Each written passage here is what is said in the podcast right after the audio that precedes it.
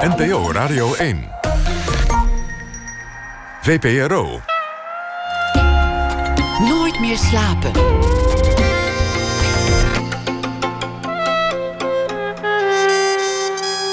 Met Pieter van der Wielen. Goedenacht en welkom bij Nooit meer slapen. Janna Loontjes schrijft deze week elke nacht een verhaal. En dat uh, zal ze na ene voordragen. Een zoektocht naar iemand die misschien wel helemaal niet bestaat. Dat is het eh, verhaal in de reeks Bob. Wordt ook uitgezonden na ene. Maar we beginnen komend uur met Geert-Jan Knoop. Zonder al te veel twijfel de meest prominente strafpleiter van het jaar 2017. De heropening in de zaak Ina Post. Het proces tegen de Nederlands-Argentijnse piloot Giulio Potsch. En eerder in het jaar eh, de zaak tegen Wilders. En dan deed hij ook nog zaken voor het internationaal strafhof. Geert-Jan Knoops is uh, vrijwel elke dag wel in de krant uh, te vinden. Hij maakt zich ook sterk voor het oplossen van gerechtelijke dwalingen, voor het rechtzetten daarvan. En dat heeft hij ooit gedaan in de Puttense moordzaak. Twee veroordeelde moordenaars bleken later onschuldig. Onlangs schreef hij een boek over zo'n andere vermeende dwaling op Bonaire, de laatste kamer. Geert-Jan Knoops werd geboren in 1960. Geert-Jan Knoops, hartelijk welkom. En uh, de beste wensen nog voor 2018. Insgelijks. Stel nou dat 2018 exact hetzelfde wordt als 2017. Evenveel zaken, even prominente zaken, evenveel werk, evenveel winst en evenveel verlies. Is dat een mooi uh, vooruitzicht? Dan zou ik zeer tevreden zijn. Er zijn altijd verbeterpunten. Maar als dit jaar zo goed zou zijn in juridisch opzicht als afgelopen jaar, dan mag ik niet klagen. Hoewel, we hebben ook dieptepunten gehad. Een van de grootste dieptepunten vorig jaar was de, het feit dat een van onze cliënten, Freilon Pieter, op Curaçao niet is vrijgekomen. Een jongen die aantoonbaar onschuldig vastzit al bijna 14 jaar. Dat heeft me enorm aangegrepen vorig jaar en ik hoop dat dat dit jaar verandert. Daar zullen we het straks nog wat uitgebreider over hebben, over die, uh, over die zaak. U bent inmiddels, uh, je bent inmiddels wel uitgegroeid tot uh, de meest prominente advocaat van Nederland. Of in ieder geval één van de. Is dat iets dat je bezighoudt, die status? Nee, dat doet me heel weinig. Um, wat is prominentheid? Ik bedoel, dat is heel relatief. Hè. Op het moment kun je prominent zijn en een ander moment weer niet. Nee, het doet mij niets. Ik blijf dezelfde en mijn kantoor uh, blijft hetzelfde zoals altijd. Wij behandelen ieder cliënt gelijk. Of het nou de minister-president is die we bijstaan... of willekeurig welke burger. Dat is ons beleid en we gaan echt niet naast onze schoenen lopen. Het geeft natuurlijk wel soms een enorme voldoening dat je die erkenning krijgt. Want we werken er heel hard voor. En we doen dat ook omdat we oprecht overtuigd zijn... dat bepaalde mensen niet in de gevangenis thuis horen.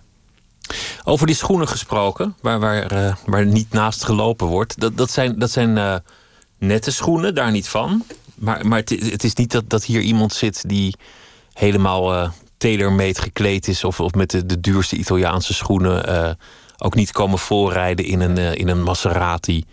Dat, wat, je, wat je vaak bij advocaten ziet, een zekere mate van glamour. Dat, dat is er volgens mij niet. Nee, ik ambieer dat ook helemaal niet. Ik ben helemaal niet materialistisch ingesteld. Ik, als u mij nu vraagt, of als je mij nu vraagt...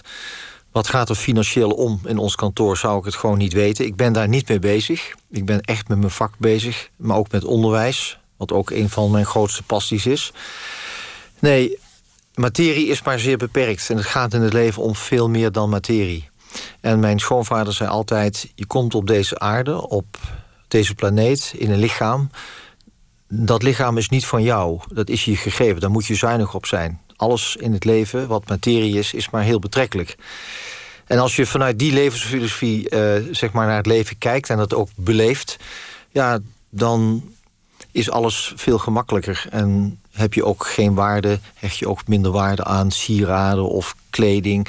Natuurlijk, ik vind dat je als advocaat moet je verzorgd uitzien. Je hebt ook een bepaalde status, je hebt ook een bepaalde rol in de samenleving. Je hebt ook een bepaalde verantwoordelijkheid. Maar dat betekent voor mij niet dat ik nu uh, me moet laten zwelgen in allerlei luxe. En ook niet laten zien op allerlei feestjes. En, en ook niet uh, vertegenwoordigd zijn in society-rubrieken of, of al dat soort dingen. Daar heb ik overigens geen tijd voor. Uh, een programma als dit is al heel bijzonder dat ik dit doe. Dat doe ik niet altijd. Omdat we een heel druk leven hebben. En daarnaast heb ik daarnaast nog veel andere bezigheden. zoals sport, schrijven en dergelijke. Ja, en bepaalde gelegenheden als recepties of ehm, symposia... Die, die horen bij je vak, dus daar ga je dan wel beroepsmatig heen... Maar ik zal niet uit vrije tijdsbesteding nu naar een uh, bepaalde sociale aangelegenheid gaan, zonder meer. Een man van orde en discipline, zo, zo wordt je vaak omschreven. Zeer netjes, zeer uh, opruimend. Ja, dat zit wel in mijn karakter, deels denk ik vanuit mijn opvoeding. Maar dat is denk ik ook met name gecultiveerd door mijn opleiding bij het Corps Mariniers. Ik heb twee jaar bij het Corps Mariniers gediend als dienstplichtig uh, militair. Ik werd uiteindelijk geselecteerd voor de opleiding tot officier mariniers. Dat, dat betekent dat dan nog meer van je wordt gevergd. En discipline was eigenlijk het devies waar je iedere dag mee werd geconfronteerd. Het begon s ochtends eigenlijk al als je soms letterlijk uit je bed werd gesleurd. Dat bed dat moest gewoon als een envelop opgevouwen, netjes worden achtergelaten. En dat zit nog steeds in mijn systeem. Ik kan ook alleen maar werken in een kamer die is opgeruimd. Discipline betekent ook dat je meer kunt doen op een dag dan wellicht iemand anders. Mensen vragen vaak aan mij van hoe doe je dat allemaal? Al die verschillende beroepen. Je bent schrijver, je bent advocaat, je bent hoogleraar, je bent uh, militair. Hoe doe je dat? En dan zeg ik vaak, is een kwestie van hoe orden je je leven. Hoe gedisciplineerd ga je om met je werk. Natuurlijk heb je ook collega's die enorm veel steun geven... om dat werk te kunnen uitoefenen. En met name mijn partner en vrouw betekent daar heel veel in. Maar die basis is toch die discipline om iedere dag en iedere week goed georganiseerd je werk te beoefenen. Om te zorgen dat alles op tijd gereed is. Ook de sport is er nog steeds. Dat hoort natuurlijk ook bij een marinier. Zorg dat je in een uitmuntende conditie bent. Dat je dagelijks traint. Ja, ja dat wordt er bij de mariniers eigenlijk ingeslagen. Dat zonder een fysieke fitheid je ook mentaal niet in staat bent om te presteren. Moe zijn betekent dat je in slaap valt en dat je dus mogelijkerwijs een gevaar vormt voor je eigen mensen. Uh, slapen was er bij de mariniers niet bij. Men zei dan altijd, een beetje gekscherend... slapen doe je maar in je eigen tijd.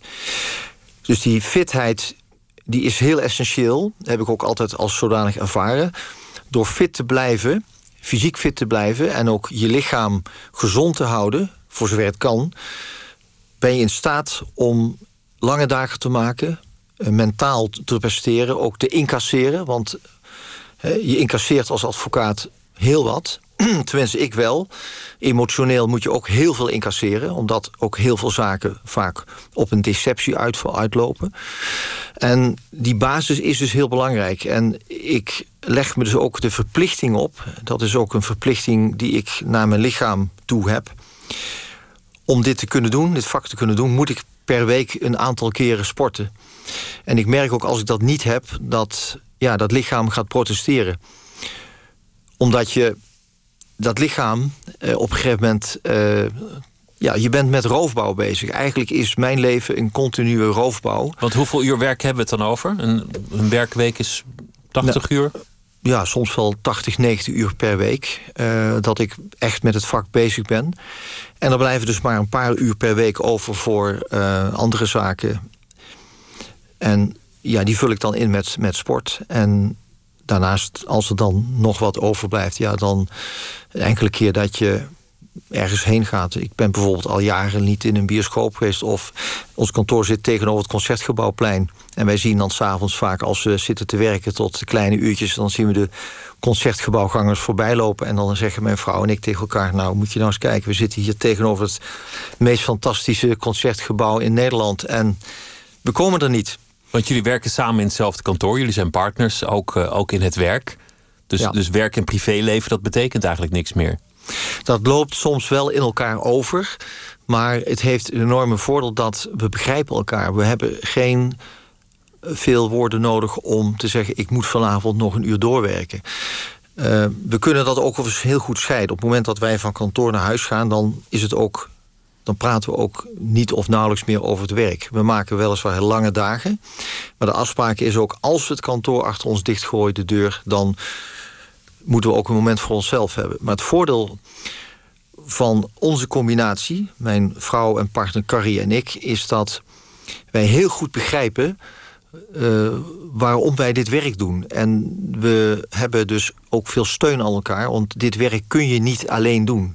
Het vergt fysiek en mentaal heel veel van, van je lichaam en van je geest. Jullie hebben hetzelfde ideaal, dezelfde opvatting van rechtvaardigheid die jullie drijft. Ja, een voorbeeld is dat wij zo'n 30% in onze praktijk, wat veel mensen niet weten, besteden aan het bijstaan van onterecht veroordeelden. En dat doen we pro deo. Dus het, ons kantoor, waar wij met een team van jonge advocaten werken, wij financieren eigenlijk voor een groot deel uit onze eigen omzet.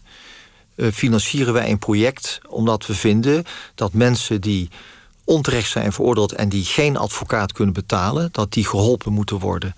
Dat is een soort ideaal wat we hebben. Eh, binnen ons kantoor is dat een, een, een geaccepteerd ideaal. En en dat doen we dus eigenlijk zonder uh, winstoogmerk. Het is een non-profit uh, branche van ons kantoor. En dat is onderdeel van hoe wij tegen het leven aankijken. Omdat we ook vinden dat... Kijk, mijn filosofie is... ik ben in Nederland geboren. Ik heb een hele mooie opvoeding gehad. Ik heb kunnen studeren. Maar ik realiseer me dat heel veel mensen dat niet hebben gekund. En dat je dus ook iets moet kunnen terugdoen naar die samenleving toe. En dat is een soort levensfilosofie waarvan ik vind dat wij die, althans ik in dit geval in mijn vak, ook moet kunnen etaleren. Advocaten worden toch vaak afgeschilderd als geldwolven. Mensen die alleen maar uh, achter dikke rekeningen aangaan. Natuurlijk, ook wij moeten bestaan. Ook wij moeten iedere maand de salarissen betalen.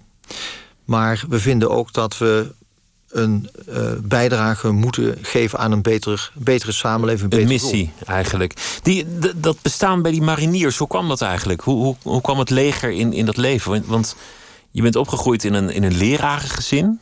Ja. Je wilde aanvankelijk ook voor de klas uh, klopt, komen te klopt, staan. Klopt. En ineens, ineens was daar dat korps mariniers. Ja, dat, dat is eigenlijk. Men zegt wel eens: er is geen toeval in het leven. Misschien heeft het zo moeten zijn. Uh, het was een ongepland iets, want ik wilde inderdaad uh, verder het onderwijs in. Ik had uh, specialisatie biologie en lichamelijke opvoeding. Daar komt al een beetje het sportelement naar voren.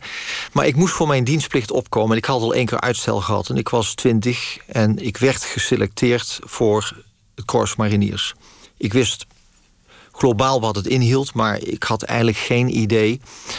En ik kwam op voor mijn dienstplicht in de marinierskazerne in Doren in augustus 1980. En daar begon dus eigenlijk de zwaarste opleiding die er in Nederland bestaat. Tot officier mariniers, een negen maanden durende opleiding. En tot grote verbazing van velen werd ik ook nog best man van dat jaar. Ik kreeg dus uh, ook de onderscheiding dat ik die opleiding als, als beste had doorlopen. En op dat moment kwam ik in een wereld uh, waar ik mezelf eigenlijk voor het eerst leerde kennen. Ik was een, een, een, jongen van twintig die totaal eigenlijk niet wist wat het leven inhield, wat ik met het leven zou willen. En daar werd ik geconfronteerd met mijn eigen ik. Juist door de extreme waarin je terecht kwam. Exact. En de grenzen worden daar opgezocht hè, van de mentale en fysieke vermogens. En het is verbazingwekkend wat die instructeurs bij het Corps Mariniers uit je weten te halen. Eigenlijk krijg je een blauwdruk van jezelf te zien. En daar werd eigenlijk in dat Corps Mariniers een beetje de blauwdruk gelegd voor de toekomst voor mij. Want ik kwam er toen achter dat er vele andere dingen waren waar ik mogelijkerwijs in zou kunnen gaan deelnemen.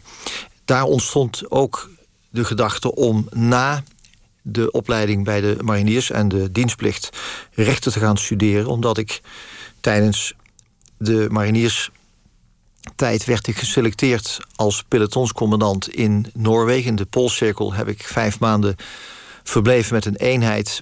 En op een gegeven moment werden een aantal mariniers verdacht van diefstal van rendierenhuiden. En mijn toenmalig commandant, uh, generaal Prins, oud-commandant van de Corps Mariniers, uh, belastte mij met een strafrechtelijk onderzoek. Als een soort krijgsraad. Een soort krijgsraad ten velde. En ik zal nooit vergeten, dat gebeurde op een zondag. En toen heb ik de hele dag getuigen gehoord, om het zo te zeggen. En ik had geen juridische achtergrond. Ik wist er wel iets van af. En daar ontstond die interesse voor dat juridisch systeem. Hoe werkt dat nou? En wat zijn nou de waarborgen? Omdat mensen beschuldigd konden worden, die zich niet altijd even goed konden verdedigen. En daar ontstond de gedachte dat ik na mijn diensttijd bij het Corps rechten zou gaan studeren. Nou is eh, eh, het leger een plek waar gezag absoluut is, waar, waar gehoorzaamd dient te worden. En een advocaat is iemand die juist het gezag tart, die, die daar een beetje maling aan moet hebben. Daar, ja, daar, lijkt een soort contrast te zitten. Ja, maar er is ook een parallel. Een advocaat zoekt ook de grenzen op. Hij tart misschien weliswaar soms die grenzen, maar hij moet wel binnen de grenzen van de wet blijven. Maar die advocaat zoekt die grenzen op. En dat is precies ook in mijn vak, waar wij nu binnen ons kantoor mee bezig zijn, dat wij met heel veel zaken die grenzen opzoeken van de rechtspraak, maar ook de creatieve geest. Bijvoorbeeld bij het onderzoeken van gerechtelijke dwalingen moet je buiten het dossier om gaan rechercheren naar nieuw bewijs. Dus je moet out of the box denken, je moet creatief zijn. En dan zoek je die grenzen op. En dat was precies bij dat Corps Mariniers ook. Daar werd eigenlijk van je verlangd om buiten die normale grenzen van je leven te gaan. Dus in mijn huidig bestaan als advocaat, specifiek op dit gebied, zie ik wel zekere parallellen. Maar het gaat dus niet om het ondermijnen van het gezag. Een advocaat mag nooit het gezag ondermijnen. Dat is iets anders dan dat je het gezag soms start. Tarten betekent ook dat je het systeem prikkelt... en kijken tot hoe ver het systeem kan worden opgerekt. Binnen de grenzen van de wet natuurlijk. Je kwam terecht bij uh, het advocatenkantoor van uh, uh, Max Moskowitz in het, in het zuiden des lands. Dat is de plek waar je je vrouw bent tegengekomen toen al een, eh, een collega op het, eh, op het kantoor. Was, was dat meteen liefde op het eerste gezicht? Zeker, zeker. Had ik zelf nooit gedacht. Ik was toen 33 jaar. Ik werkte op dat moment een aantal jaren voor Max Moskowitz senior. Uh, een man die enorm veel respect afdwong... voor wie ik ook enorm veel respect heb gehad en nog steeds heb. Veel van heb geleerd. En ik werkte op de vestiging van hem in Sertogenbos... En daar was op dat moment behoefte aan een uh, civiele advocaat... die daar in de praktijk zou gaan meedraaien. Ik draaide daar de strafrechtspraktijk met David Moskowitz... een van de zonen van uh, Max. En het was Carrie, mijn huidige echtgenoot... die daarvoor werd geselecteerd. En de dag dat ik haar ontmoette... vanaf de dag dat ik haar ontmoette... zijn we eigenlijk onafscheidelijk geraakt. Wat gebeurde er dan op die dag? Het interessante was dat wij van elkaar een totaal ander beeld hadden. Zij had kennelijk van mij een beeld gekregen dat niet paste bij uh, de realiteit. En omgekeerd ook. Wat was dat voor beeld? Ja, nou, kennelijk was tegen haar gezegd... kijk, u gaat in een bos werken en daar werkt een zekere meneer Knoops... maar is een workaholic. En die heeft uh, al helemaal niets op met vrouwen. Die wil gewoon met rust worden gelaten. En daar zult u geen last van ondervinden. Dat was een beetje het uh, verhaal volgens mij dat aan Carrie werd verteld. En aan mij werd verteld. Nou, Carrie uh, Hamburger, dat is een, een, dame die uit Amsterdam komt. En die heeft al een heel bewogen leven achter de rug. Heeft drie kinderen. En enfin, u kunt daar gewoon met uw werk verder gaan. Maar het tegendeel bleek waar te zijn. Het was een fantastisch uh, energierijke, impulsieve vrouw met een hele charmante, knappe uitstraling. Die bleek ook nog dezelfde hobby te hebben als ondergetekende. Want het eerste wat ze tegen me zei bij de kennismaking op een ochtend... die kwam uit het Huis van Bewaring. Zij was al in het pand van Max Moskowitz. Zei ze, ik geloof dat wij dezelfde hobby hebben. Ik zei, hé, hey, dat is interessant. Welke dan? Ja, diepzeeduiken. Dat klopt, ik ben vanaf mijn 17 een fervente diepzeeduiker. Uh, vandaar ook wellicht toch de affiniteit met de Koninklijke Marine. Ik zei, dat is verdraaid interessant. En we raakten dus in gesprek over het diepzeeduiken. En in dat gesprek ontstond die klik. En nou, zo is het uiteindelijk allemaal gebeurd. Zij uh, is van Joodse afkomst. Uh, je hebt je, je hebt je die cultuur eigen gemaakt. Misschien, misschien niet zozeer de, de religie, maar in ieder geval wel veel uit die cultuur geput. Je noemde net ook al je, je, schoonvader met, met ja. prachtige motto dat hij uh, je mhm. heeft gegeven. Hoe, hoe ver gaat dat? Nou, ik, toen ik bij Max Moskowitz senior kwam te werken, uh, heeft hij me al veel bijgebracht over de Joodse cultuur, eigenlijk de hele Joodse levensfilosofie, want het is meer dan een religie, het is een levenssysteem. Waar veel van onze heilige juridische normen en waarden uit afkomstig zijn, hè, zoals die ook in de zogenaamde Talmud zijn neergelegd. Dat sprak me toen al enorm aan. En toen ik Carrie leerde kennen, ja, is dat geïntensiveerd. En ik vond het ook niet meer dan vanzelfsprekend dat, uh, dat de man die in dit geval mag trouwen met een bepaalde dame, zich ook aanpast aan de cultuur. En dat was voor mij eigenlijk niet eens zoveel moeite, want het was voor mij al een soort van vanzelfsprekendheid. Uh, omdat ik ook veel van die normen en waarden herkende in het levensgoed dat, uh, waar zij voor stond. Dus het was niet eens zo'n grote overgang voor mij. En ja, het was dus een hele vanzelfsprekende situatie. En wat zijn dat voor, voor, voor wijsheden of, of rituelen die je toepast in je, in je dagelijks bestaan? Nou, eigenlijk, als je wel beschouwd naar alle religies kijkt, dan zie je dat er alleen maar parallellen zijn. En we leven in een samenleving waar juist vaak de controversies worden opgezocht. Maar er zitten heel veel parallellen in alle religies. Het komt uiteindelijk allemaal op dezelfde basiswaarden neer. En een van die basiswaarden is... Inderdaad, probeer je altijd ook te verplaatsen in de ander. Respect voor elkaar. Uh, tolerantie. Uh, en dat soort hele basale waarden. Uh, en dat, dat zie je eigenlijk in alle levenssystemen wel terug. En ik denk in het Jodendom wordt dat in het bijzonder ook benadrukt. Maar daarnaast vond ik het heel mooi om te kunnen lezen hoe zeg maar in dat levenssysteem wordt omgegaan, ook met recht en onrecht. Vanuit het oud-testamentisch recht is het heel bijzonder om nu te zien hoe wij in Nederland, in ons rechtssysteem, omgaan met getuigenbewijs. Nou, in, in het Oude Testament en de uitleg in de Talmud wordt daar op een hele bijzondere wijze ook een uitleg aangegeven waarvan ik denk, daar kunnen we nog steeds veel van leren. En dat spreekt mij enorm aan. Maar we hebben in onze praktijk cliënten uit alle levenssystemen. En ik heb voor alle religies groot respect. Ik denk ook dat, dat je dat vooral moet doen om dat je alleen op die manier ook kunt begrijpen waar zo'n religie voor staat. Maar wat mij opvalt is dat er eigenlijk altijd maar een gemene deler overblijft. Het is niet zo dat er verschillen zijn. Er zijn eigenlijk alleen maar overeenkomsten tussen religies en levenssystemen en misschien ook andere filosofieën. Hoe is het om, om voor een man van orde en discipline om, om in een wereld terecht te komen die juist vaak zo slordig is? De wereld van de misdaad. Iemand vermoorden vind ik al tamelijk slordig. En dan nog gepakt worden vind ik al helemaal slordig. Hoe is het voor een gedisciplineerd mens om, om de hele tijd aan tafel te zitten met, met de rommelige kant?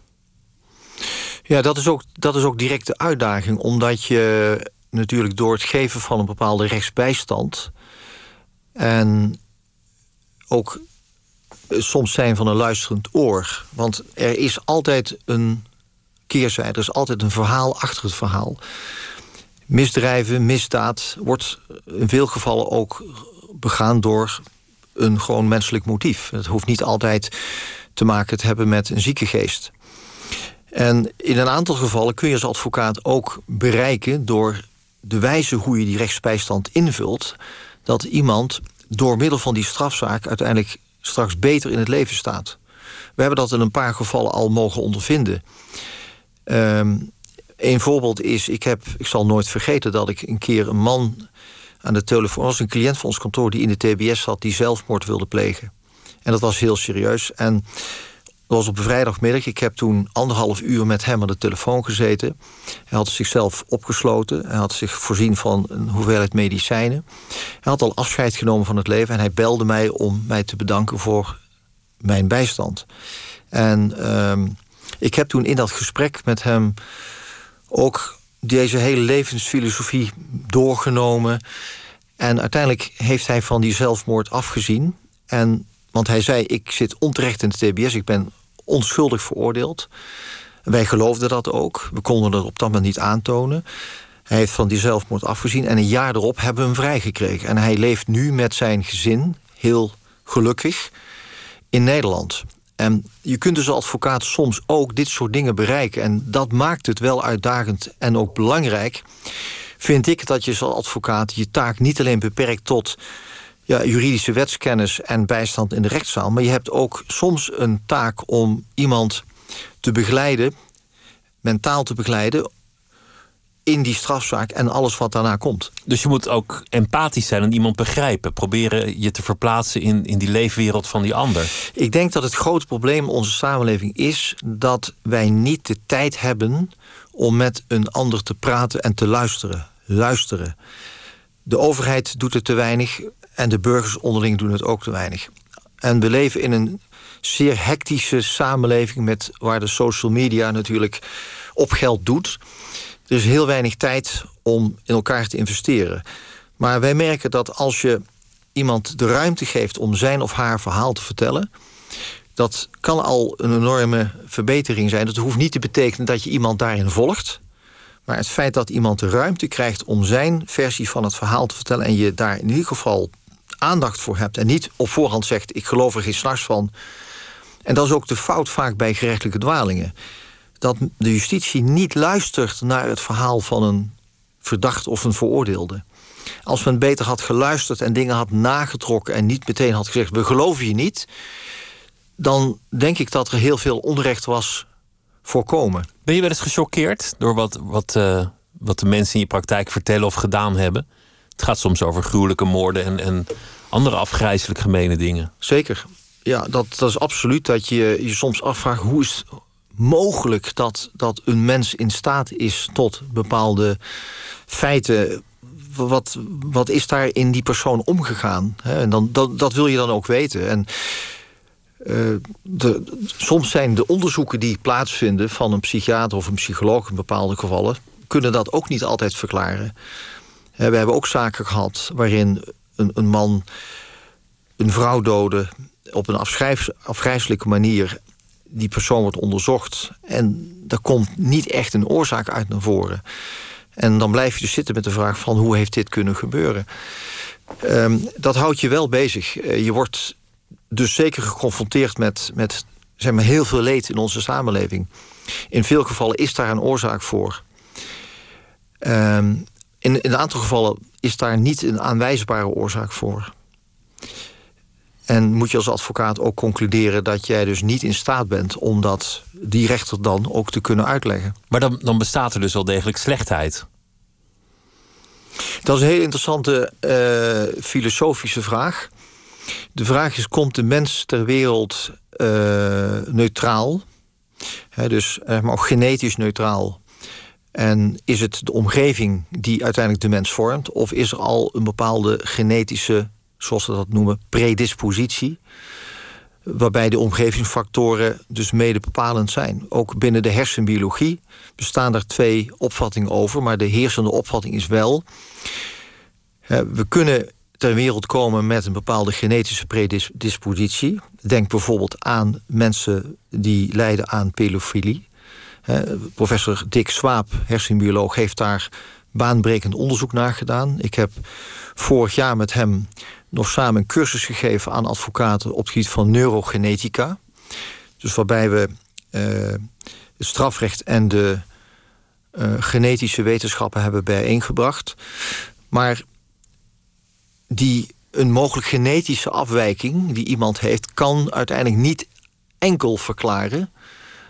Is de heersende opvatting dat iemand uiteindelijk ontspoort. Er zijn altijd omgevingsfactoren bij nodig die die combinatie fataal maken. Want er zijn ook mensen die dat gen hebben die het niet doen.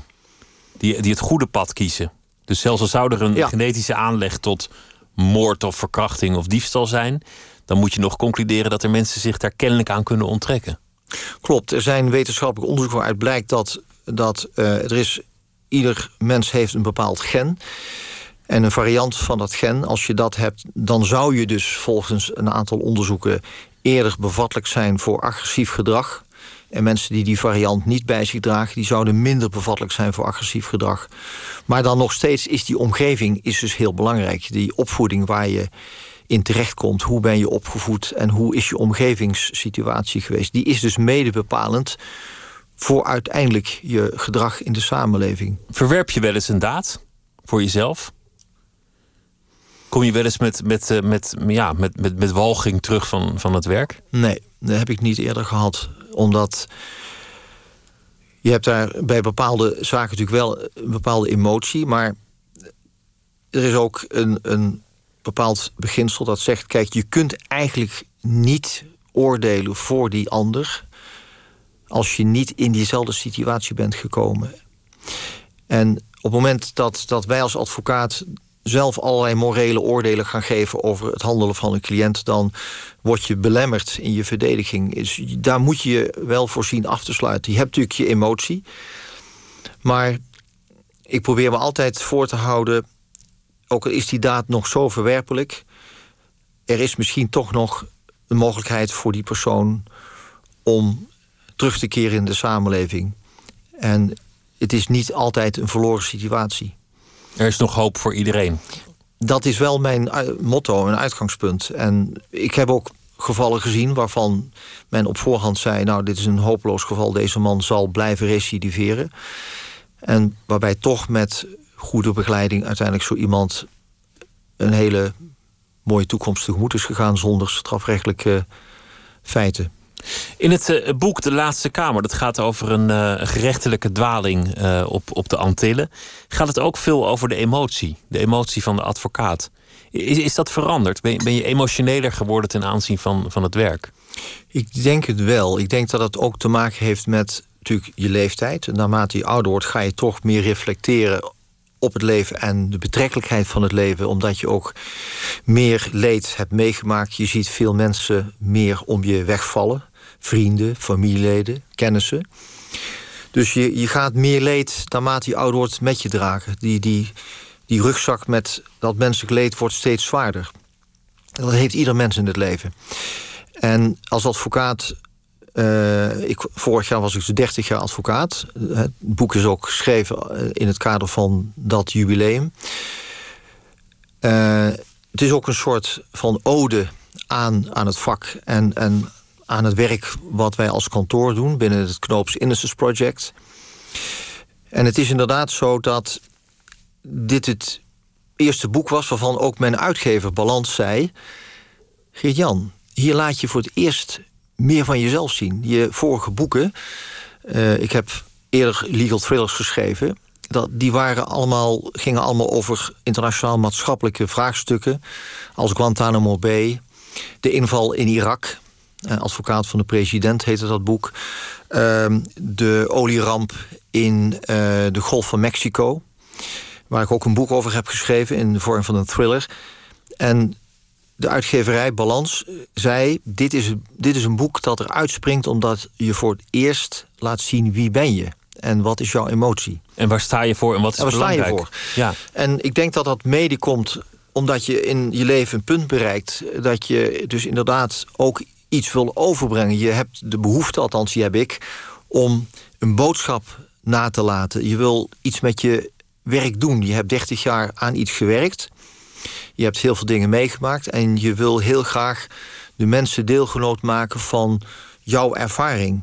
En daar hoort ook emotie bij. We hebben het al gehad, um, uh, zijdelings, over de gerechtelijke dwalingen. Dat is een, een heel belangrijk deel van het werk geworden. Daar gaat dit boek ook over. Over uh, um, een ten, uh, ten, onrechte veroordeelde. En de pogingen om zo'n zaak weer te openen. Mm -hmm. Die marges zijn doorgaans vrij klein. Ja. Je moet een novum hebben, een nieuw bewijsstuk, een, mm -hmm. een, nieuwe visie die, die zo anders is dat, dat de reden is om dat vonnis te herzien. Anders is het vonnis gewoon geslagen en is er, is er, is er geen hoop. In dit geval gaat het er dan om dat, dat jullie uh, toegang krijgen tot een computer. Waaruit je kunt afleiden dat iemand onmogelijk op het tijdstip van de moord op de plek van de moord had kunnen zijn. En een urenstaat van het werk, waaruit blijkt dat sommige getuigenissen absoluut niet kunnen kloppen.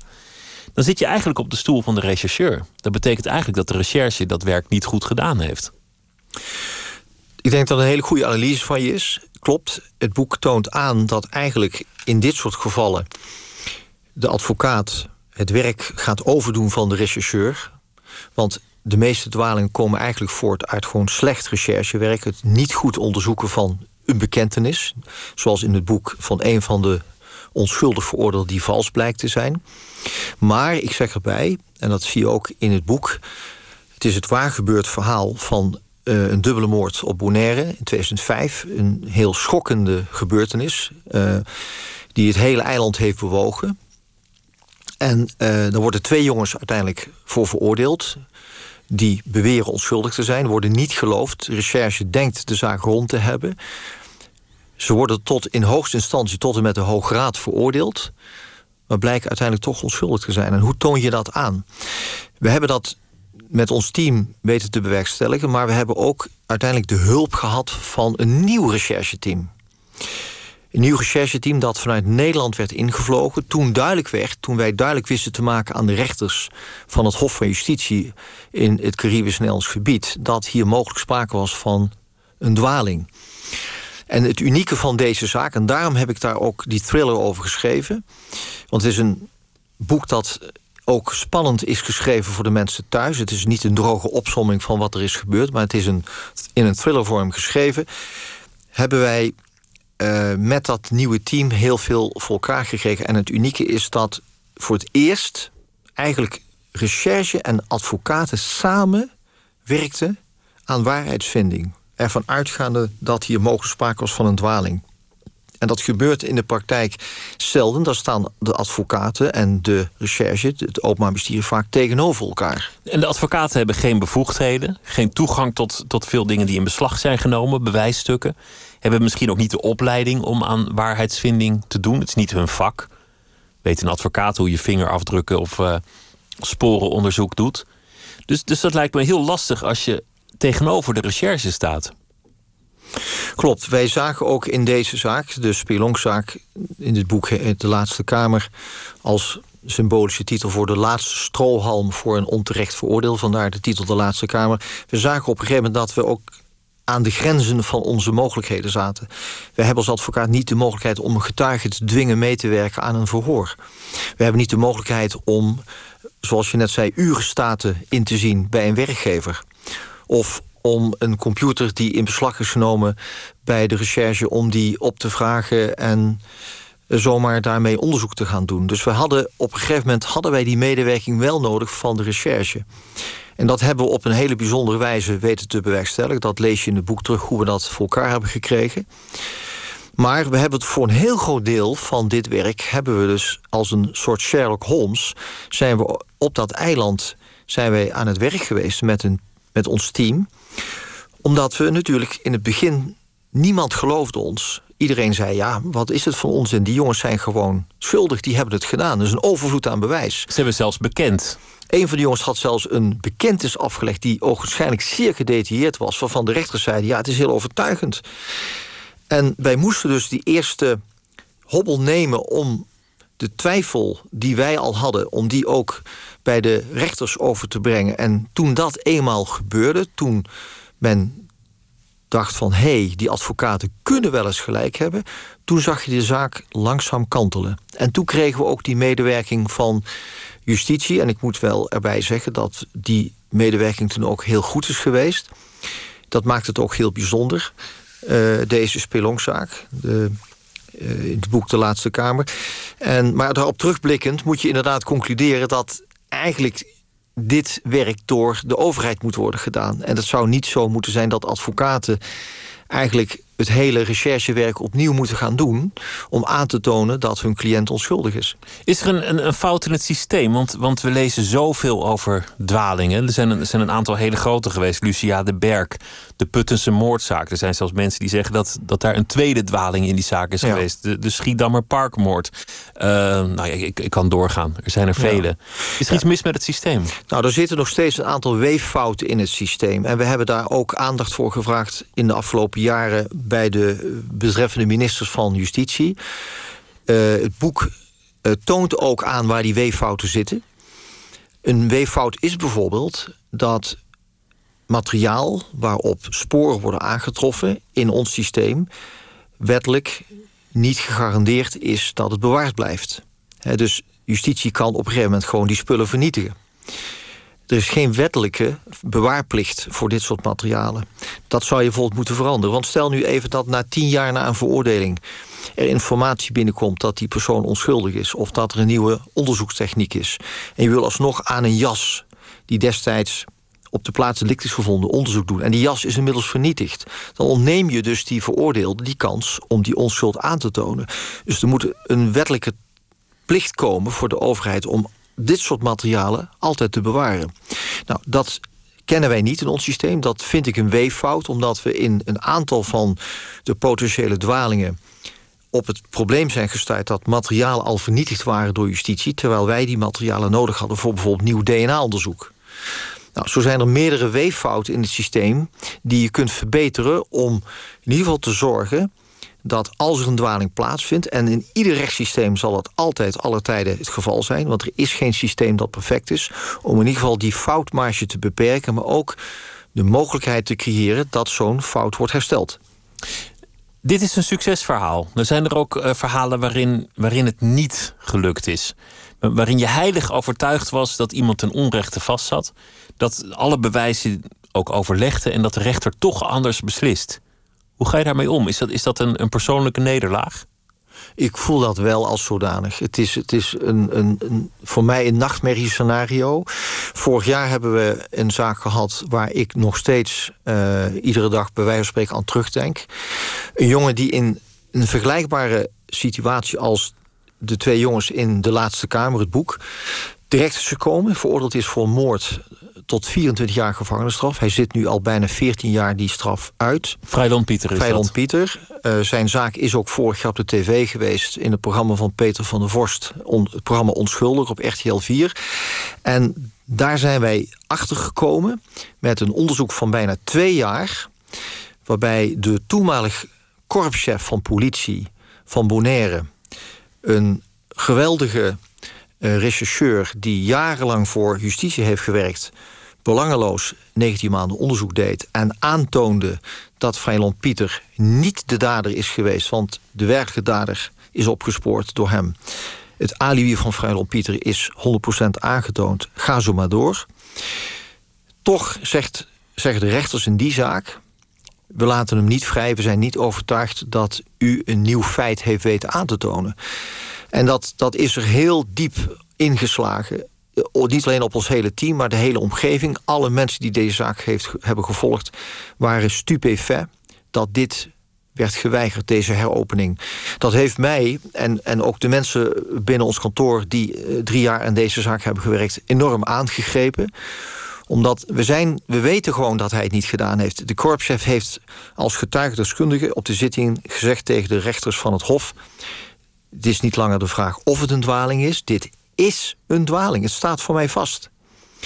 En als rechters dan toch niet bereid zijn om een nieuw onderzoek toe te kennen... en daar ook niet voor openstaan...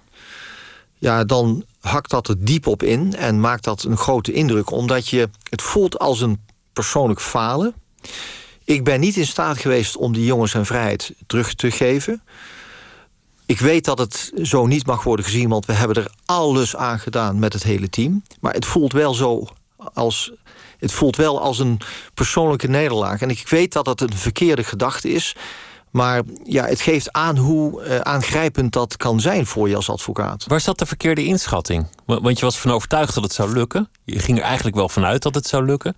En de rechter oordeelt toch anders. We hebben het geanalyseerd. We weten het oprecht niet, want de uitspraak was ook maar drie alinea's. En uh, de rechter zegt eigenlijk, ja, wat de verdediging heeft aangevoerd... dat zijn slechts aannames. Aantal, aantal zaken eh, zegt de rechter van... dat is al een keer eerder aangevoerd... bij een eerder herziening door een lokale advocaat. Nou, dat is eh, absoluut niet terecht... want er zijn meer dan 25 nieuwe getuigen gepresenteerd... in het nieuwe onderzoek van die korpschef. Waar zit dat in? Ik denk dat waar het in ons vak met die gerechtelijk dwaling op neerkomt... is je moet ook geluk hebben met de mensen om je heen. Als je rechters hebt, aanklagers en mensen van een recherche die openstaan voor de mogelijkheid dat het mogelijkerwijs zo is dat iemand onschuldig is, dan ben je al één stap verder. In de zaak Vrelon Pieter, in tegenstelling tot de zaak die in het boek wordt beschreven, de Laatste Kamer, in die Vrelon Pieterzaak hadden wij te maken met rechters, aanklagers, die niet open stonden voor die mogelijkheid. Een deel van het werk vindt dus ook plaats in het hoofd en misschien wel het hart van de rechter. Overtuigd zijn is, is ook een, een emotioneel gegeven. Je bent overtuigd rationeel, technisch, maar, maar er is ook een gedeelte dat, dat is gevoel. Dat, dat de rechter ook ja. intuïtief akkoord gaat met een mogelijkheid. Klopt. Het vakgebied waar wij voor een groot deel onze praktijk mee werken, gerechtelijke dwaling, is dus voor een heel groot deel intuïtief, subjectief, in zekere zin arbitrair. Van wat voor één rechter een nieuw bewijsmiddel is, is voor een andere rechter misschien geen nieuw bewijsmiddel dat overtuigend is voor de mogelijke onschuld. Dat maakt het dus ook ontzettend moeilijk en soms ook ontzettend frustrerend.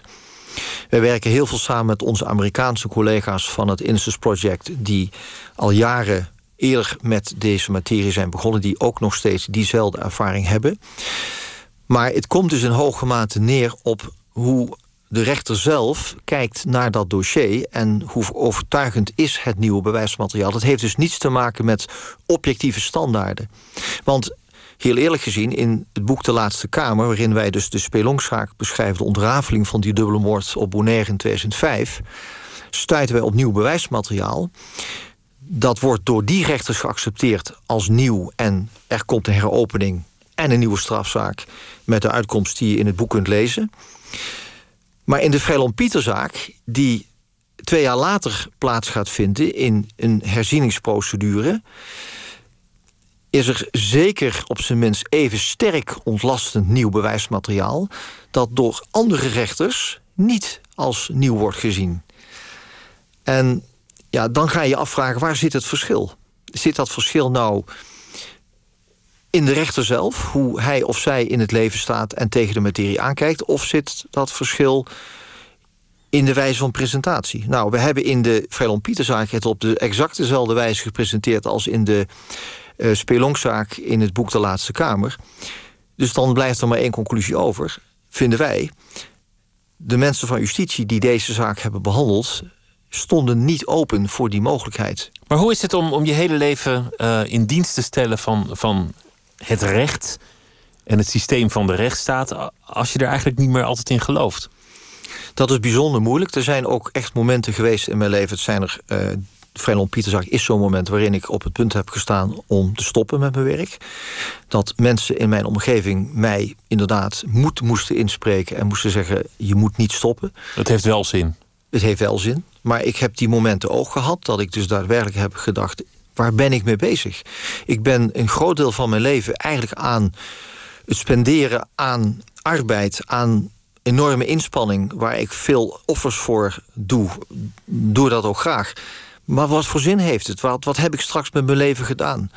Die momenten heb je. Ik denk dat ieder mens die momenten heeft. Dat je je afvraagt: ben ik wel eh, goed bezig met mijn leven? Zeker als je daarvoor veel privézaken inlevert. Die moment heb ik ook gehad. En dan heb je mensen nodig in je omgeving die je de spiegel voorhouden en die zeggen van luister, ook al lukt het niet altijd, je hebt wel, je, draagt wel bij aan iets. Je, kijk, uh, bij Vrelon Pieter, hij zei, jullie zijn de eerste die mij serieus nemen. In al die jaren heeft niemand mijn verhaal serieus genomen. Andy Melaan en Ozai Thomas, de twee hoofdrolspelers in het boek De Laatste Kamer. Toen wij die zaak gingen behandelen in 2011 met ons team, zeiden zij: Jullie zijn de eerste die luisteren naar ons, die ons serieus nemen. En ik zei dat al eerder in dit interview. Een van de grote problemen in onze samenleving is dat we niet luisteren naar elkaar. We geven elkaar niet de ruimte en we tonen niet respect voor andermans uh, opinie of andermans beschrijving van gebeurtenissen. En het feit dat een veroordeelde die dan blijft vastzitten, zoals Vrelon Pieter, 24 jaar, toch tegen je zegt: ik, ik, uh, ik dank je voor je bijstand, ik dank u voor uw bijstand, want u heeft toch voor mij heel veel betekend. U bent de eerste die, mij, die mijn onschuld gelooft. Dat is nogal wat. Dat mensen na 14 jaar gevangenschap tegen je zeggen: u bent de eerste die in mijn onschuld gelooft. Maar het lijkt me een bijzondere vriendschap. Dat, dat, dat lees ik in meer van die dossiers. Ook met, met uh, de, de piloot die in Argentinië uh, acht jaar vast heeft gezeten. Dat, dat jullie elke week telefonisch contact hadden. Elke week op hetzelfde tijdstip, op dezelfde Mhm, dag. Waar ook ter wereld jij was, hij belde. Ja, ja.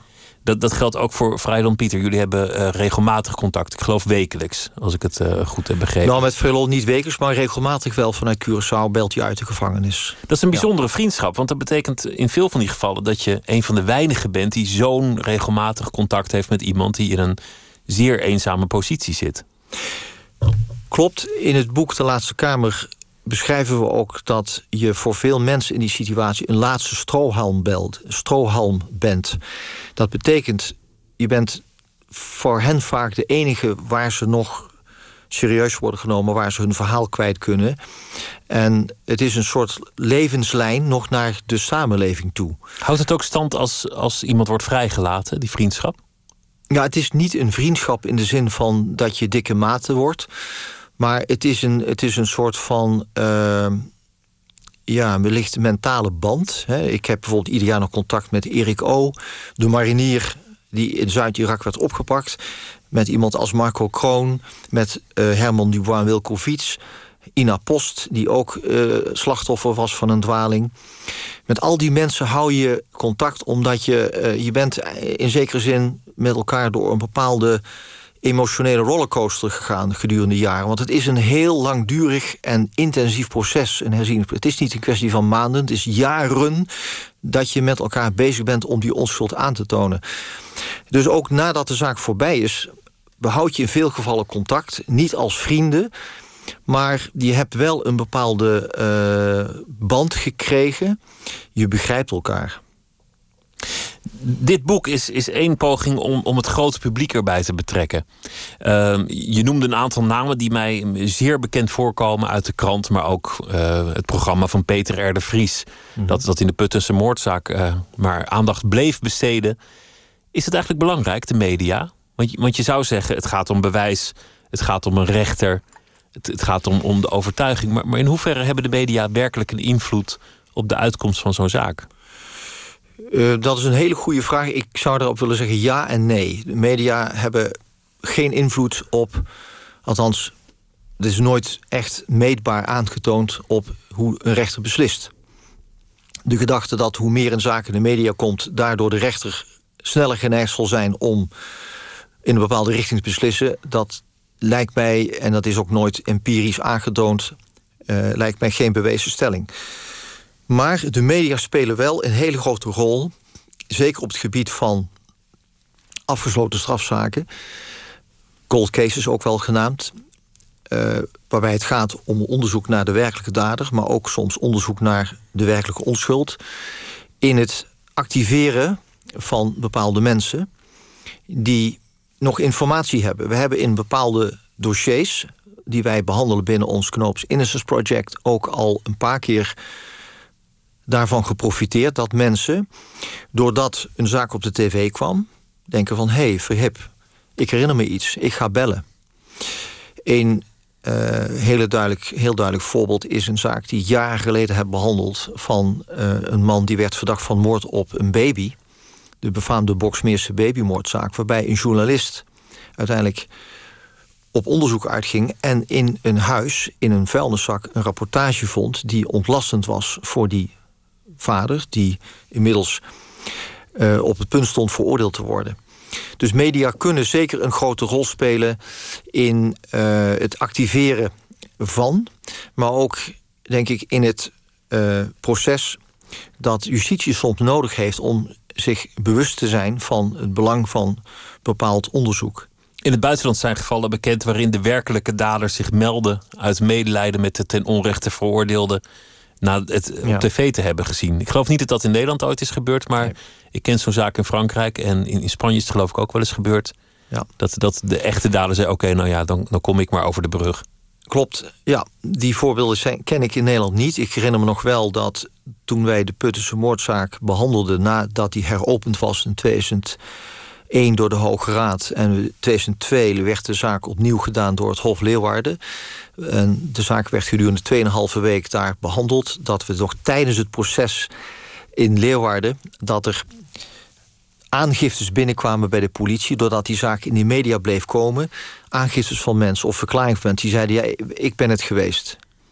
En dat bleek allemaal mensen te zijn die aandacht uh, kennelijk zochten. Maar het geeft aan dat de media kan dus nogal wat bewerkstelligen. Niet het soort aandacht dat je zou, zou willen hebben, lijkt me, maar, uh, nee, maar nee. vooruit. Ja. Geef je ooit op? Want we hadden het over Vrijland Pieter. Die, die, die zaak is niet heropend. Ja. Hoe vaker dat niet lukt, hoe moeilijker het wordt om dat nog gedaan te krijgen. Is er, is er ooit een moment van opgeven?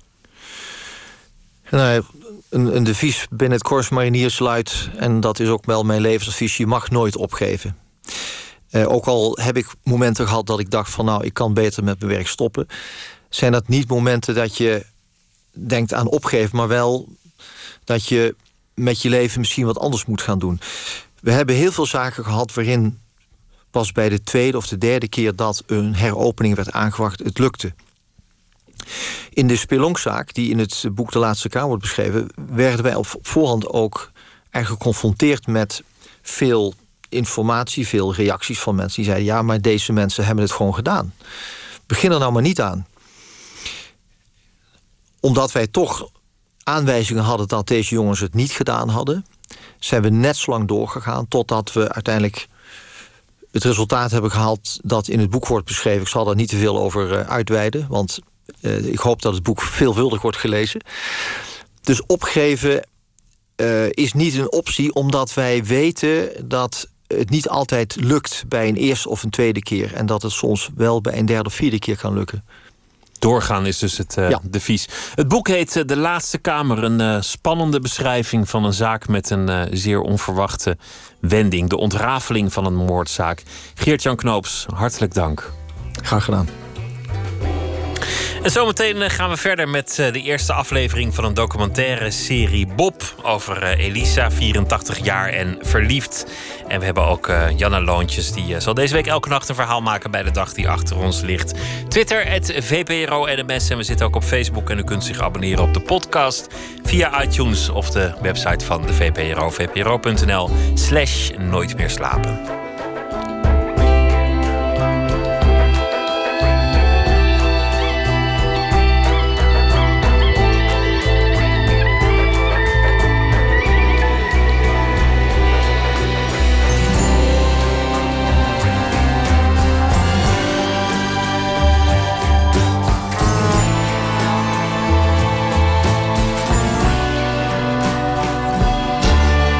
Radio 1.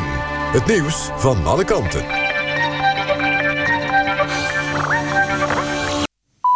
1 uur, Clemens Peters met het NOS-journaal. Bij rellen in een gevangenis in het midden van Brazilië... zijn negen gevangenen omgekomen, 14 raakten er gewond... en nog eens tientallen zijn ontsnapt. De rellen ontstonden doordat leden van twee rivaliserende bendes... met elkaar in gevecht raakten. Leden van de ene bende vielen een gedeelte van de gevangenis binnen... waar leden van de andere bende verbleven. En daar stichtten ze brand. Bij een demonstratie in Iran is volgens de staatstelevisie... een agent doodgeschoten door een betoger. Drie andere agenten zouden gewond zijn. Het gebeurde in een stad zo'n 400 kilometer ten zuiden van de hoofdstad Teheran. Vandaag zouden ook nog eens vijf burgers zijn omgekomen. Dat wordt gemeld door de zender Al Arabiya en via berichten op sociale media. Eerder werden al twaalf burgerdoden gemeld. De afgelopen dagen was er op verschillende plekken in Iran gedemonstreerd tegen het regime. Dartslegende Phil Taylor heeft in zijn allerlaatste wedstrijd op het hoogste niveau naast de wereldtitel gegrepen. Hij verloor de finale in Londen met 7-2 van de debutant Rob Cross, die in de halve finale ook al te sterk was voor Michael van Gerwen. Phil Taylor speelde zijn 21ste WK-finale en neemt na vandaag afscheid van de dartsport. Een gezin uit Jastermar in Friesland heeft bijna 18 miljoen euro gewonnen in de postcode loterij.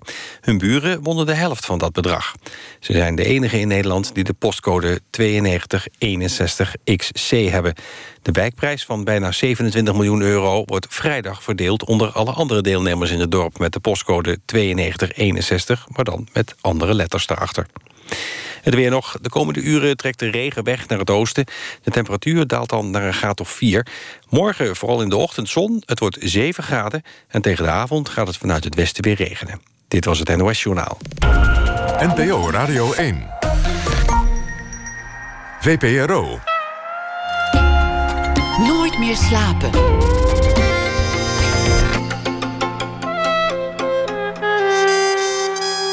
Met Pieter van der Wielen. Goedendag, u luistert naar Nooit meer slapen. Hoe vind je iemand die misschien wel niet bestaat? Daarover gaat de reeks Bob, zometeen de eerste aflevering. Janne Loontjes zal deze week elke nacht een verhaal maken bij de dag die achter ons uh, ligt. Ze heeft uh, meerdere dichtbundels geschreven en romans en ze maakt ook essays. Onlangs verscheen een bundel Roaring 90s over de jaren 90. En volgende maand een nieuwe roman getiteld Wie weet. Deze week elke nacht een verhaal. Janne Loontjes, goeienacht.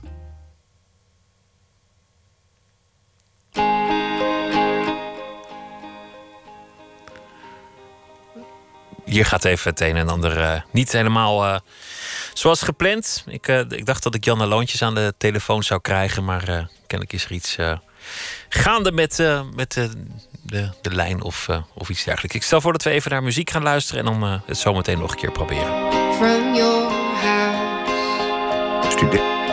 Last night. As the lights flicker.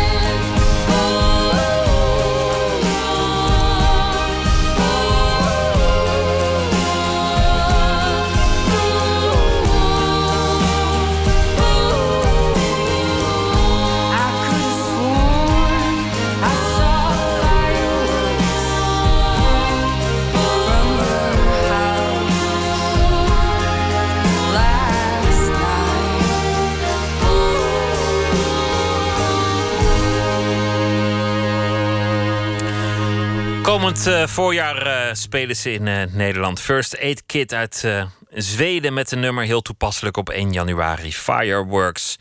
Janna Loontjes heeft een verhaal geschreven bij de achterliggende dag. Janna, goeienacht. Hi, goedenacht. Leuk dat ik je deze week elke nacht mag horen met een verhaal bij de voorbije dag. De beste wensen ook nog voor 2018. Wat, Hetzelfde. Waar beginnen we mee? Nou ja, ik heb uh, vandaag heel lang getwijfeld over mijn onderwerp voor uh, deze rubriek. Ik vierde gisteren oud en nieuw bij een uh, bevriend Iraans gezin. Althans Iraans, ze zijn al lang Nederlands, maar ze zijn begin jaren negentig uit Iran gevlucht. In ieder geval kwamen natuurlijk de opstanden in Iran veel te sprake. En ik dacht, nou, daar ga ik iets over schrijven. Maar ik had vandaag zo'n enorme kater... waardoor het nu toch een ander onderwerp is geworden. En dat is namelijk heel toepasselijk goede voornemens. Goede voornemens. Nou, ik uh, ja. ben benieuwd. Met een kater beginnen aan goede voornemens, dan kan ik er al eentje raden. Ga gang. ik ga komend jaar minder drinken. Ik zal proberen geduldiger te zijn, ten overstaan van mijn kinderen, naasten en onbekenden. Ik ga minder piekeren en meer sporten. En ik zal me meer ontspannen. Eigenlijk is het paradoxaal. Ik denk dat ik me om toekomst, toekomst richt, maar in feite zeggen al die voornemens vooral iets over het leven dat ik tot nu toe heb geleid. Als ik me voorneem minder te drinken, betekent dat eigenlijk vooral, nou ja, dus dat ik een kater heb. Mijn broer zei: Ik heb dit jaar één voornemen.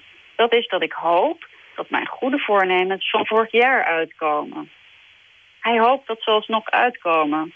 Alsof, alsof het om wensen gaat. Alsof hij er zelf geen enkele invloed op heeft. Niemand houdt zich aan goede voornemens. Oké, er zullen uitzonderingen zijn. Maar toch, niemand houdt zich aan goede voornemens. Daar wordt zelfs wetenschappelijk onderzoek naar gedaan, las ik in Trouw. Psycholoog Aukje Verhoeven onderzoekt aan de Universiteit van Amsterdam... hoe mensen er wel in zouden kunnen slagen zich aan hun goede voornemens te houden. Al die bezuinigingen, talenstudies, filosofievakken, docenten die verdwijnen... Maar gelukkig, het onderzoek naar goede voornemens mag blijven. Mijn zoontje, tien jaar, zei dat hij zich voorneemt om volgend jaar blijer te zijn. Zijn oudere zus zei, dat kan niet. Je moet altijd ergens blij over zijn. Je kunt niet zomaar blij zijn. Nog een vraag waar een wetenschappelijk onderzoek aan gewijd kan worden. Kun je ook blij zijn zonder dat er enige reden toe is? Mijn dochter neemt zich voor minder na te denken over wat anderen van haar vinden. Ik zou willen dat ik tenminste kon onthouden wat mijn voornemens van vorig jaar waren. Of dat ik me kan voornemen meer te onthouden. In het algemeen meer te onthouden. Als ik mijn dochters voornemen ter harte neem en mijn best doe om me minder zorgen te maken over wat anderen van mij vinden, kom ik misschien ook dichter bij het voornemen van mijn zoontje. Dan word ik blijer. Ja, nu weet ik het. Ik neem me voor om te onthouden dat ik met het voornemen van mijn dochter mijn zoons voornemen voor mezelf wil realiseren en dat ik dan volgend jaar kan hopen dat dit voornemen alsnog uitkomt. Mooie vraag of je blij kunt zijn zonder reden. mij lijkt van wel. Bestaat er eigenlijk een woord voor als je, als je blij bent zonder reden? Nou, ik zou het nog niet weten. Maar volgens mij kan het ook. Of weet je in elk geval de reden niet altijd. Anders, anders zou het wel droevig zijn. Dat je, dat, je, dat je niet blij mag zijn als er geen reden voor is. Of dat het dan, want daar volgt dan eigenlijk uit dat je niet blij mag zijn. Omdat er ook altijd wel een reden is om het niet te zijn. Die, die ligt altijd voorhanden. Ja, dat klinkt inderdaad heel pessimistisch. Dus laten we maar zeggen dat er geen onderzoek voor nodig is. Blij zijn zonder reden, dat mag best. Ja, precies. Nou, succes met de kater, die waarschijnlijk inmiddels al is uh, opgetrokken. En met uh, de goede voornemens. Ja, hetzelfde. Minder drinken en uh, wat, wat waren die anderen ook alweer? Geduldiger zijn. Oh ja. Ten overstaan van zo'n beetje iedereen. Nou ja, goed.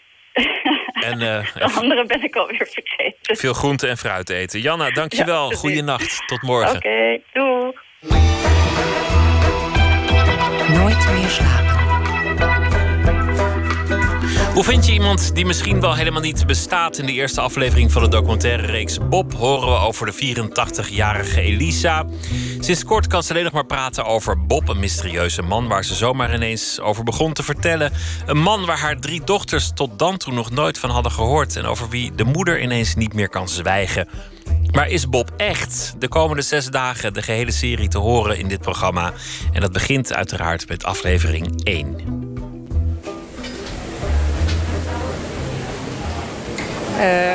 Meneer? Ja. Sorry, mag ik u iets vragen? Tuurlijk, ja. Heeft u geheimen? Wie niet? Ja, zou ik uw donkerste geheim mogen kennen?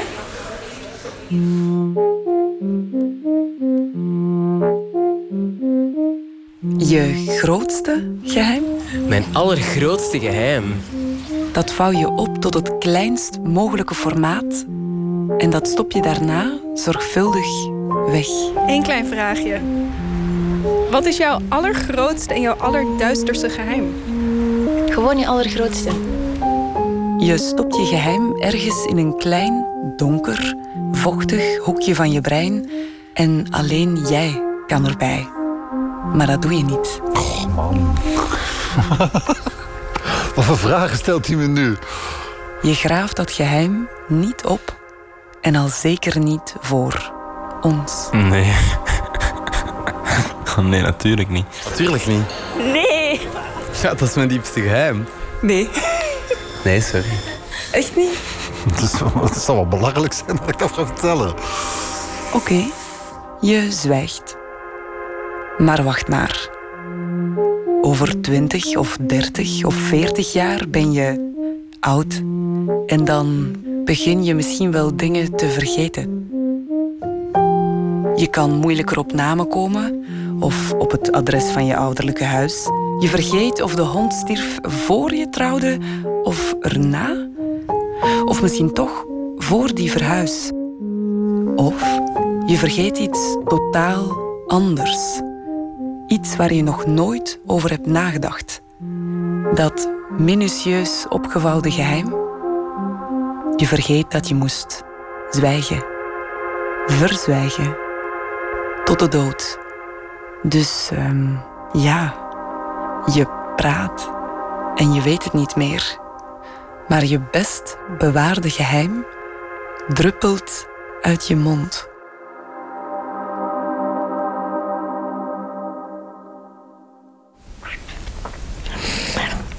Maar vergeet zoveel. En ik vind dat zo spijtig, hè. Dat ik zoveel vergeet, hè. Dat is echt waar, hè. Dit is Elisa. Allee, alles dat ik nog weet... Dat vond ik plezant en goed en... Ja. Elisa is 84 jaar. Ja, ja, ja, ja. 84. 84, ja, ja, ja. Op je 84ste, dan is het niet zo gek dat je dingen vergeet of niet meer alles zo scherp hoort? Mijn naam is Siona. Mm, Iona. Nee, Siona. Fiona. Met een S, ja. ja. ja. Ik ben dus Siona. Ik ben op bezoek bij Elisa, samen met Nele en Mirke. Mirke. Met? Mirke. Lieveke. Ja. Lieveke. Ja, en dit is Nele. Nee. Ik ben Nele. Nee. Nele. Ja. Nele. Lea. Nele, zie. Nele. Oh. Ja. Oh, dat is goed. We zijn drie radiomakers en we zitten met een opnameapparaat rond dit klein vrouwtje. We zijn op bezoek bij Elisa in Pniel. Dat is een christelijk rusthuis op een half uurtje rijden van Antwerpen. Ja, ja. Je bent hier gelukkig, zo in het rusthuis? Ja, ik ben hier gelukkig. Dat is waar. Ze zou elk onze grootmoeder kunnen zijn, Elisa. Met haar grijze haar, zijdezachte dunne huid, pantoffeltjes, verrimpelde handen. Een van de duizenden krimpende mensjes in een rusthuis. Maar Elisa is niet onze grootmoeder. En geen van ons drie heeft zulke heldere, blauwe ogen als die van haar. Wie die ogen wel heeft, is Carrie, haar dochter. Carrie is degene die ons aan haar moeder heeft voorgesteld. Mijn moeder is Elisa Aert, maar zo werd ze nooit genoemd. Zij werd Lisette, of wordt nu nog altijd Lisette genoemd. Carrie vertelde ons over die blauwe ogen van haar moeder, die de laatste tijd zo hevig opflakkeren. Ja, ja. Elke keer als Carrie langskomt, vertelt haar moeder hetzelfde verhaal. Een verhaal waar Carrie tot voor kort nog nooit van had gehoord. En waardoor ze haar moeder ineens door hele andere ogen ziet. Ik was op bezoek bij haar in het rusthuis en toen begon ze op een bepaald moment te zeggen van dat er vroeger, toen zij nog woonde, weet ik waar, ik denk dat ze de leeftijd had van een puber, 15 jaar, dat er een overbuurjongen was, een buurjongen, naar wie ze altijd zwaaide. Dat die zag naar mij. En die zwaaide terug. En ik naar hem natuurlijk.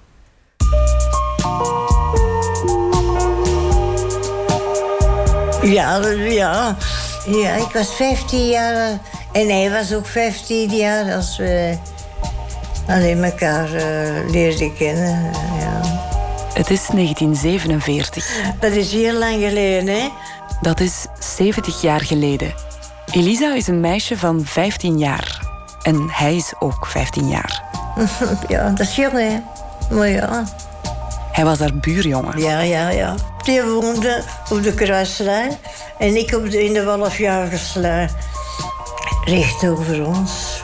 Ze woonden in Borgerhout, een deelgemeente van Antwerpen. Hij in de Kruislei en zij op de Wolfjagerslei. Twee straten die elkaar kruisen. Vanuit hun huizen konden ze elkaar zien. We zagen altijd op elkaar, hè? Ze wuifden altijd naar elkaar. Van achter hun raam. ja, dat was plezant, hè? Ja, ja, ja. Zij was verliefd op hem en omgekeerd. Mm. Soms spraken ze zelfs stiekem af in het voortuintje van een leegstaand huis. Er was een, een, leegstaand thuis met een grote voor, voorhof.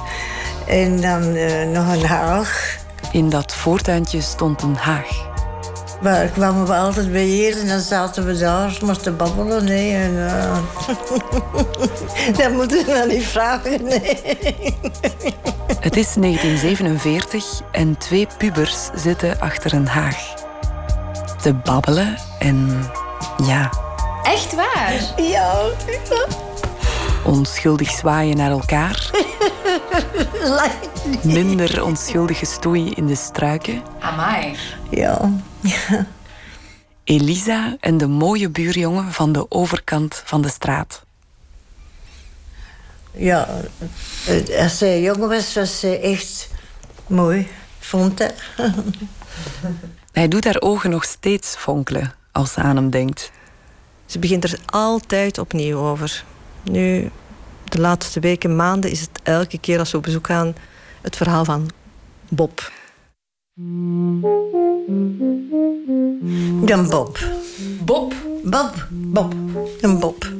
Bob? Ja, zo heet hij. Bob. Ja.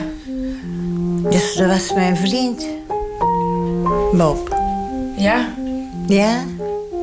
Je kent hem ook. nee, eigenlijk niet. Niet? Niet persoonlijk, nee. Nee, nee, nee. Carrie heeft nog twee zussen, Linda en Ilse. Ook zij hebben nog nooit van hem gehoord. Nooit, nooit, nooit. En van die drie dochters is Bob alleszins niet de vader. Mijn vader was Jules, Jules de Klerk. En uh, was een heel gevoelig en lieve papa. Die helaas veel te vroeg gestorven is toen hij 68 was. Mijn moeder heeft enorm afgezien van de dood van mijn vader.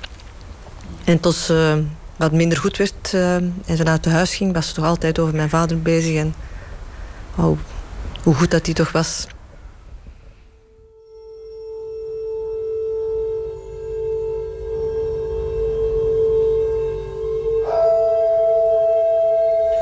Denk je soms nog aan uw man, Jules? Ja, natuurlijk dat. Zeker en vast. Dat zal wel. Ja, ja. Ik heb toch... Uh, hoeveel jaar heb ik getrouwd geweest, hè, Michel? Uh, ik geloof 35 jaar of zoiets. Zo dus dat is allemaal lange tijd. Allemaal, hè? Ja. ja. Het was zelfs een huwelijk van meer dan 40 jaar. En dat was ook een goeie man, hè? Jules. Dat was een hele goeie. Jules. Jules. Ja. Is Jules. Ja. Het is niet dat ze niet meer weet met wie ze getrouwd was. Dat weet ze nog heel goed. Ja, ja, Jules.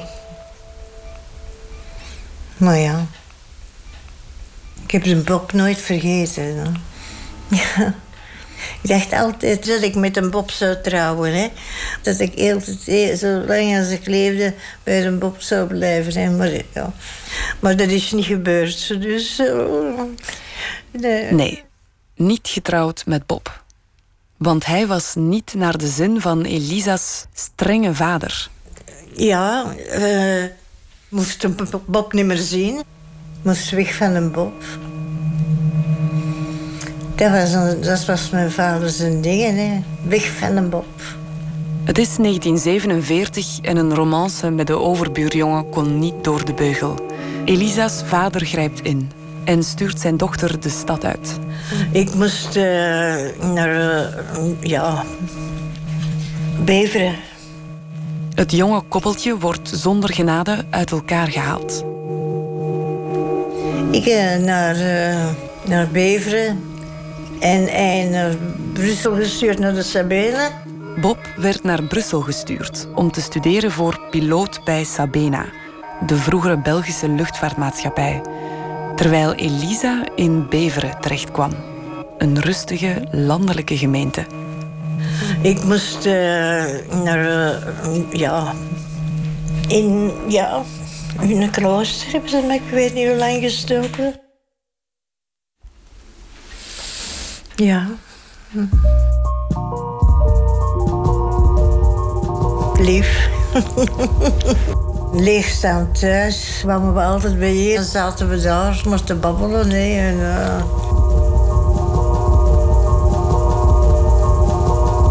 In een klooster hebben ze me, ik weet niet hoe lang gestoken. Dat kindje zat in mijn buik.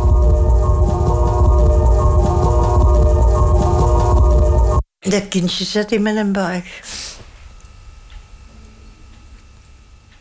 Het is 1947 en een meisje van 15 jaar wordt zwanger van haar buurjongen. Elisa wordt naar een klooster gestuurd, in Beveren, om in alle anonimiteit haar zwangerschap uit te zitten. Maar wat daar precies gebeurd is, waar ze dan juist bevallen is, wie erbij was, hoe ze zich voelde, daar lijkt een dichte mist rond te hangen. Maar we weten niet waar dat, waar dat je dan dat kindje hebt bevallen.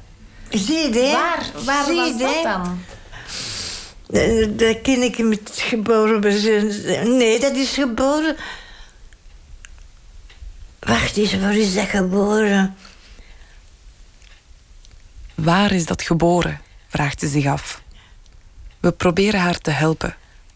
Dat kindje zat eerst in je buik. Dat kindje zat in mijn buik. En dan ben je bevallen? Ja, maar dat weet ik, ik bekend niet. Dat weet ik bekend niet. Nee.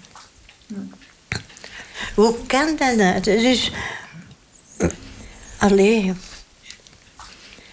Waar is dat kindje gebleven? Waar is dat? Waar was dat kindje? Maar dat wist ik zelf niet. Heb, dat wist ik niet. Heb je het gezien? Heb je het mogen zien? En heeft Jules... Ik heb dat kindje niet in mijn handen gehad. Dat eerste. Nee. Uh, dat, dat, dat was een jongensje. Een jongen. Een jongetje. Dat geboren is nog voor Carrie, Ilse en Linda. Een zoontje van haar en Bob. Waar hebben ze met dat kindje gedaan? Er is toch iets mee gebeurd, hè? Maar dat is zo weggestrapt geweest voor mij. Hè? Dat, ik de, dat ik nee, nog altijd denk... Ik zou dat toch allemaal willen weten. Je moet toch alles uitpluizen een beetje, hè? En, uh, Op ja. dat moment klopt er iemand op dat de deur. Dat vond ik ook wel lief, dat hem dat deed in het begin. Dan uh, kwam hem altijd zo daar. Een bezoek? Ja. Allee. Kom binnen hoor. We zijn klaar. Ja. Hallo. Dag. Ja. Ik ben haar dochter. Ah. Het is de oudste dochter van Elisa, Linda. Een kleine vrouw met kort haar en een alerte blik. We hadden elkaar nog niet eerder ontmoet. Zij ziet haar moeder zitten, omringd door onbekende meisjes die een opnameapparaat onder haar neus duwen. Ja. Ja. Ja. Ja. Ja. Alles zo wat verteld. eh. Ja. Maar je hebt de foto's laten zien, hè? We hebben foto's gezien. Van het de papa gezin. laten zien, hè? De Jules. Jules. Ja. We hebben de naam gekregen. En hier alle, daar allemaal. Dat zijn wij allemaal. Ah, ja, hier, ja. We praten over alles, Dat is haar vader. Ja, en dan, eh, ik ben de meest linkse. behalve over Bob. Allee. Goed. Merci. Ehm, Wij dus we ons zelf stoelen terugzetten. Ah ja. Jullie doen nog eh, een aantal interviews of zo hier? Of, eh, Ja, nee, eigenlijk niet. Maar het, was om eens te zien, zo. hoe dat? Ja. Ja. Kijk, fijne dag. Dag. Linda glipt nog snel mee naar buiten. Ze sluit de deur van haar moeders kamer en vraagt ons of we op voorhand gebriefd waren. We zeggen van wel. En dan, voor ze weer de kamer in verdwijnt, zegt ze dat het niet evident is om feit en fictie goed van elkaar te scheiden. En met deze woorden lopen we de gang uit. Feit en fictie scheiden is niet altijd evident. Bob, wie is deze figuur die totaal onaangekondigd de hoofdrol komt spelen in het brein van deze oude vrouw? Is hij dan gewoon een hersenspinsel? Na al die uren met Elisa te hebben gepraat, is hij zo echt. We verlaten het rusthuis, maar Bob laat ons niet los.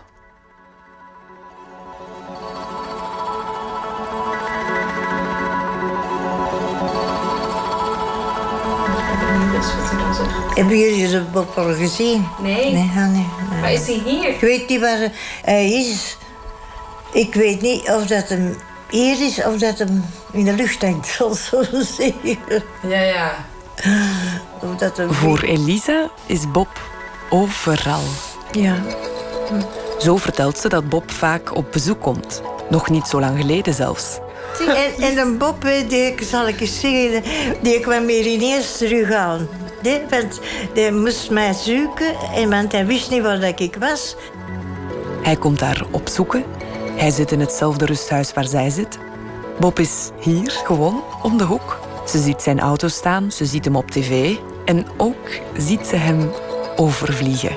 In elk vliegtuig dat voorbij komt. Eh, vliegt dus eh, ook zo, alle avonden al is gedaan, ligt hem hier over te vliegen. Met een, vlieg, met vliegtuigje. Ja. En soms wel lager, soms wat hoger. En dan, dan hoor ik dat aan die motor. Ik denk, hij is er, hè. Ja. En zij zwaait terug. Ja. Bob was piloot voor Sabena. En als hij niet in de cockpit zit, dan staat hij op de vleugels van zijn vliegtuig en zwaait hij naar haar. Dat ik stond dat te worden. En hij pa- ging op de vleugels van zijn vliegtuig staan. En dan, eh, en dan wou hij terug. Ja, dat was wel plezant. Dat is een superman. En een superman als hij op zijn vleugels kan Ja, staan. ja, ja, ik vond het plezant.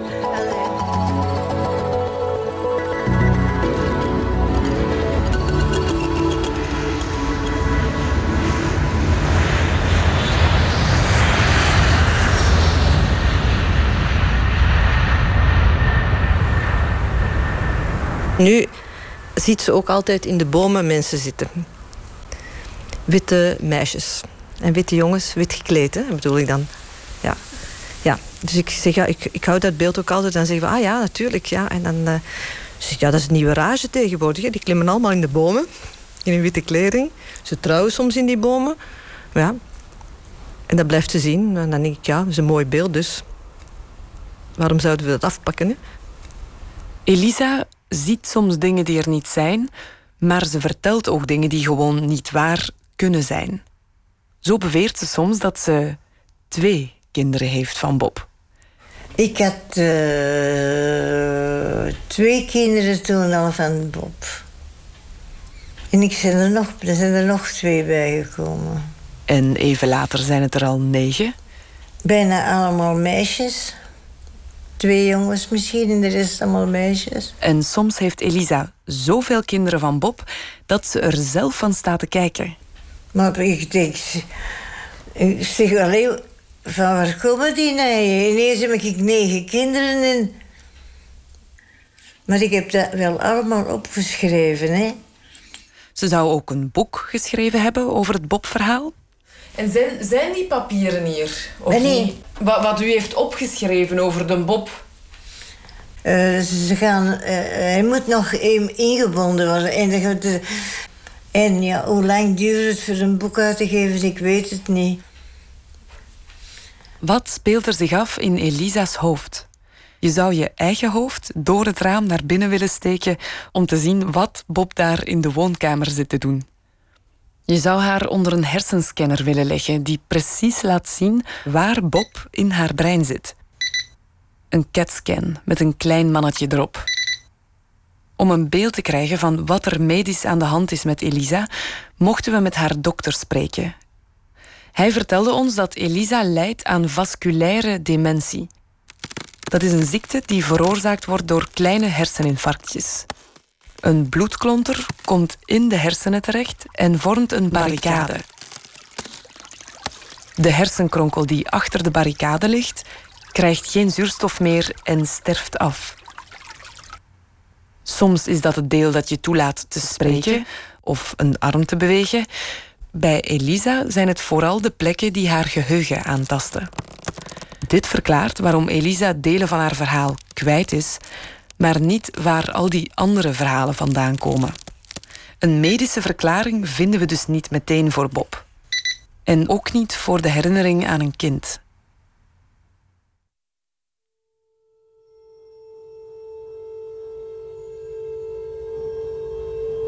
Iets in mij doet mij denken dat dat kan kloppen. Het eerste stukje van die Bob en die. Uh, omdat dat ook altijd opnieuw komt en met dezelfde verhaallijn.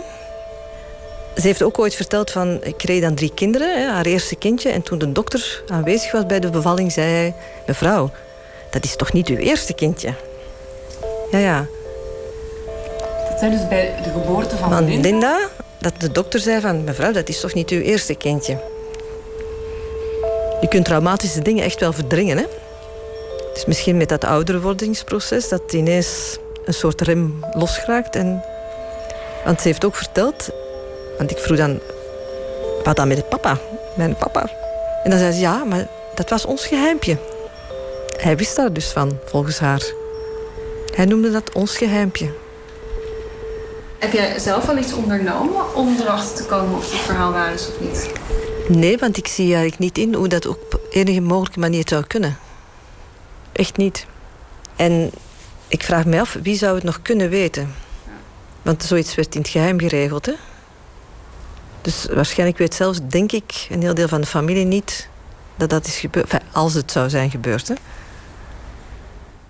Het deel van de familie dat erbij was toen Elisa 15 jaar was, toen is gebeurd wat er zou zijn gebeurd als het zou zijn gebeurd. Daarvan is helaas niemand meer in leven. De enige die we nog kunnen spreken zijn haar eigen nakomelingen. Papa, want ik vraag altijd bijna met Dat moet vlak na de oorlog geweest zijn. Tegen ons zegt ze altijd 15, dat ze 15 was. Dat zou 47 Dat zou zijn. kunnen. En dat ze even Dat zou kunnen, waren. want ze is getrouwd. Het is een maandagavond en we zijn bij Carrie thuis. Mirke en Nele zijn er al en ik kom net aan. Dag iedereen, dag Ilse en uh, dag Linda. Hallo, Ik ben Siona. Elisa is er niet bij, maar haar drie dochters zijn er allemaal. Carrie, Ilse en Linda. Zeg, leuk dat iedereen wou komen. hebben elkaar in Pniel gezien. Ja, hè? heel kort. Heel Ja. kort. Ja, jullie... Nee, ja. een glas Ja. ja, Bij die korte botsing in het rusthuis in Pniel drukte Linda ons op het hart om alles met een stevige korrel zout te nemen. Maar nu we zoveel maanden verder zijn en Elisa even hardnekkig en liefdevol blijft vertellen over Bob, zijn de drie zussen toch wel heel nieuwsgierig. Eh, eigenlijk wel heel nieuwsgierig. Dit is Ilse, de jongste van de drie. Omdat, ja, je weet ook niet bij ons moeder van wat is er nog echt en wat is er niet meer echt. En wat draagt zij mee uit haar verleden. Dus de eerste keer dat wij dat hoorden, hadden wij zoiets van, ja, wat moeten we hiermee? Was het eigenlijk meer een bekentenis? In het begin was het een bekentenis, hè, want dan zei ze zo echt van... Allee, we vinden nu van uw moeder, nu je dat eindelijk weet. Ja. Is, is dat inderdaad iets dat nu naar boven komt, dat ze gaat herbeleven? Of is dat echt gewoon puur, puur fantasie? En daar zijn we toch wel, even, toch wel gaan navragen in familie van... Kennen jullie een Bob of weten jullie iets van die situatie? Maar daar zijn we eigenlijk niet achter. Ook Linda wil de waarheid weten. Eigenlijk wel. Ik zou het er moeilijk mee hebben, denk ik. Als er een Bob... Op, of misschien die Bob tot daartoe, maar als, als het, eh, het verhaal van de zwangerschap dan ook zou kloppen... en er echt een geboorte geweest is... dan eh, hebben wij ergens inderdaad nog een halfbroer of halfzusje lo- rondlopen. Ehm, dat zou ik moeilijker vinden... Ja, de onwetendheid. Maar ik zou het vooral erg vinden als het waar blijkt te zijn dat mijn moeder met dergelijke herinneringen heeft moeten leven en het besef van ik heb ergens nog een kind. Dat zou ik heel erg vinden. Ja.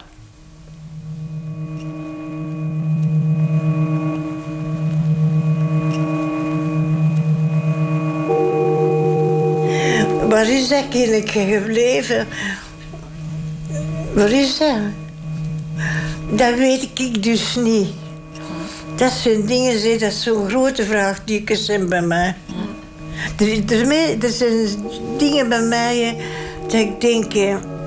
Waar is die periode vandaan? Waar moet ik vandaan komen? Dat ik niet weet, hè?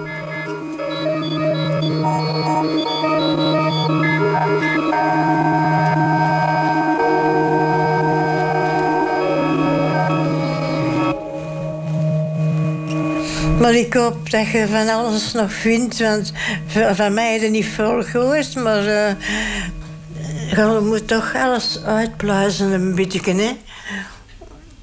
Ik verlang naar, eh, ja, naar dingen van een Bob.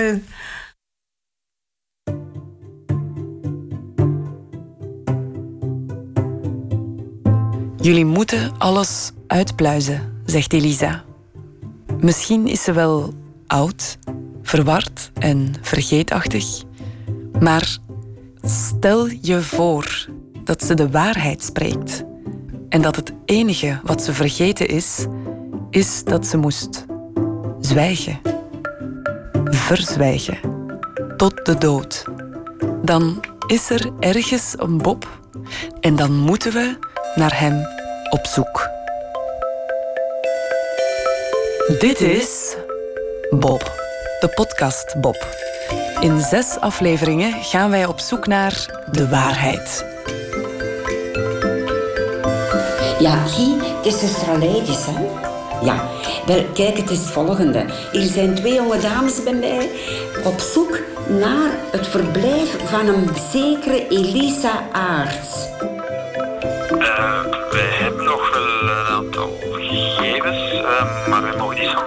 Nee, nee, nee, nee. Er zijn eh, moeders die gehuwd zijn waar dat de partner niet van weet dat ze ooit een kind hebben gehad, dat heeft gehad. Hallo. Oh, sorry, wij het storen.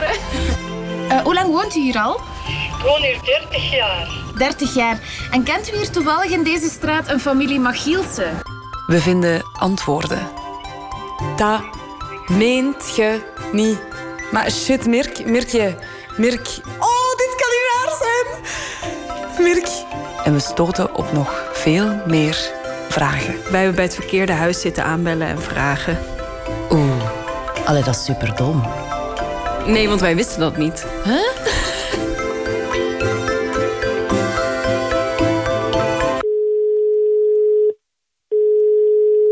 Hoe vind je iemand die misschien niet bestaat? Eh, ik ben op zoek naar een eh, Robert Machielsen of Bob Machielsen. Dat zou kunnen. Robert Machilsen. Ja, kent u die? Eh, ik, ken, ik veronderstel dat ik die ken, ja. Aflevering 1 van Bob, een serie van eh Mirke Kist, Nele Eekhout en Siona Houthuis van het audiocollectief Schik en VPRO Dorst. Morgen aflevering 2. Otis Redding en Carla Thomas met een eh, nieuwjaarsplaatje over de goede voornemens New Year's Resolution uit 1968.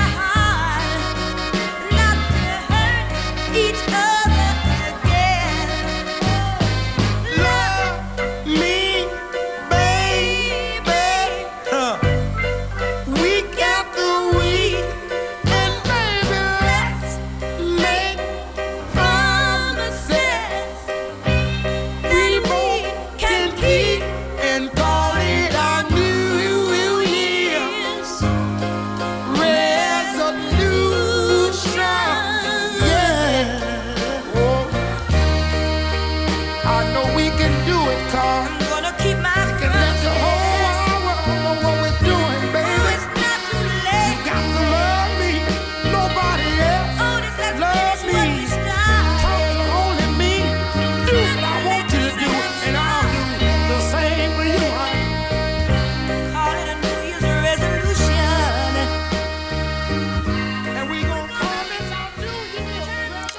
Carla Thomas en Otis Redding met hun eh, goede voornemens uit 1968.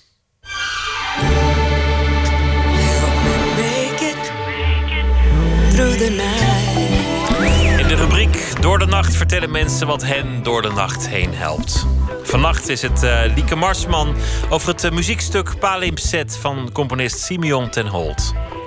Het is een, eh, een muziekstuk dat denk ik, iets van 50 minuten duurt. En waar steeds dezelfde eh, thema's weer in terugkomen. Het zijn uh, strijkers.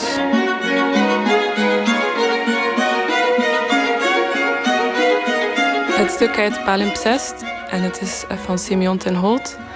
En Simeon ten Holt is vooral bekend door het canto ostinato. Dat kent, denk ik, kennen heel veel mensen. En dit is op de een of andere manier zijn, zijn andere stukken. En dit stuk met name wordt bijna nooit uh, uitgevoerd. Er is ook geloof ik maar één opname van. Ik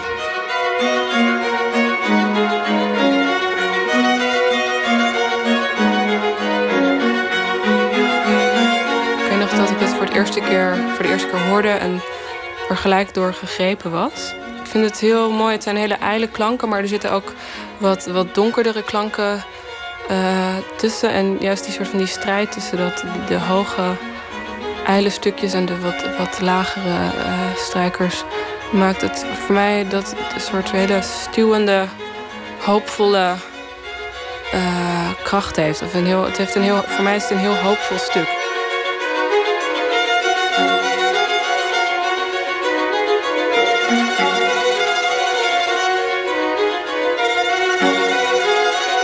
Ik kreeg gewoon opeens zin om weer alles, om alles te gaan doen of zo. Niet dat ik per se op dat moment in de put zat of zo en die hoop nodig had, maar het voelde heel eh, ja, alsof alles mogelijk was. En ik heb het ook in die weken daarna heb ik het voortdurend op de fiets geluisterd. En dan fiets ik door de stad en dan voelde ik me heel, heel krachtig of heel, heel machtig misschien zelfs wel. Dat ik dacht, ah, ik heb deze muziek. En nu kan niemand me iets maken. En het fijne is dat ik het daarna nog 800 keer heb gehoord. En het elke keer weer min of meer hetzelfde, maar ook net weer iets anders op, oproept. Dus elke keer zijn er weer, heb ik weer een nieuwe eh, favoriet stukje eruit.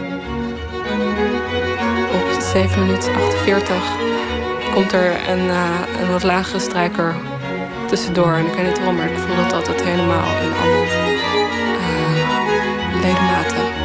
Waardoor alles eh, soort van in een. Het voelt altijd alsof ik in een soort luchtledige ruimte naar beneden val opeens. Kan dat? Waarschijnlijk kan je vaak, nou, dat weet ik niet. Maar het, het voelt alsof er iets, iets, iets van je schouders valt.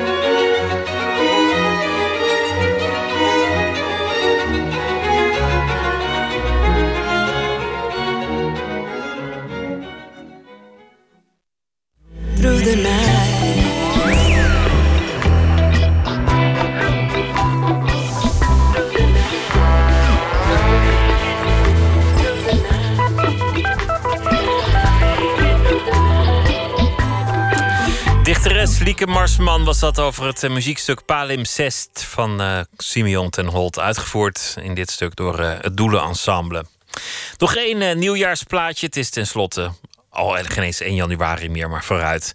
Uit het jaar 2012 Beach House met New Year.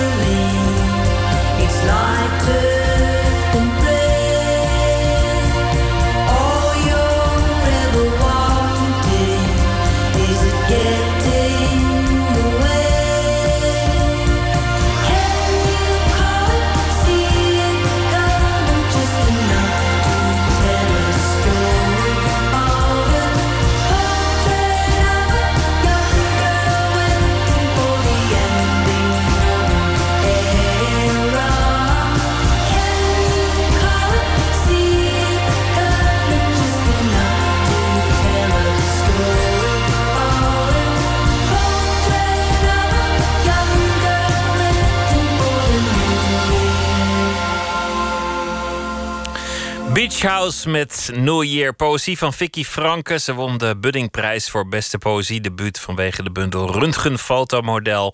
En dit eh, gedicht heeft geen titel.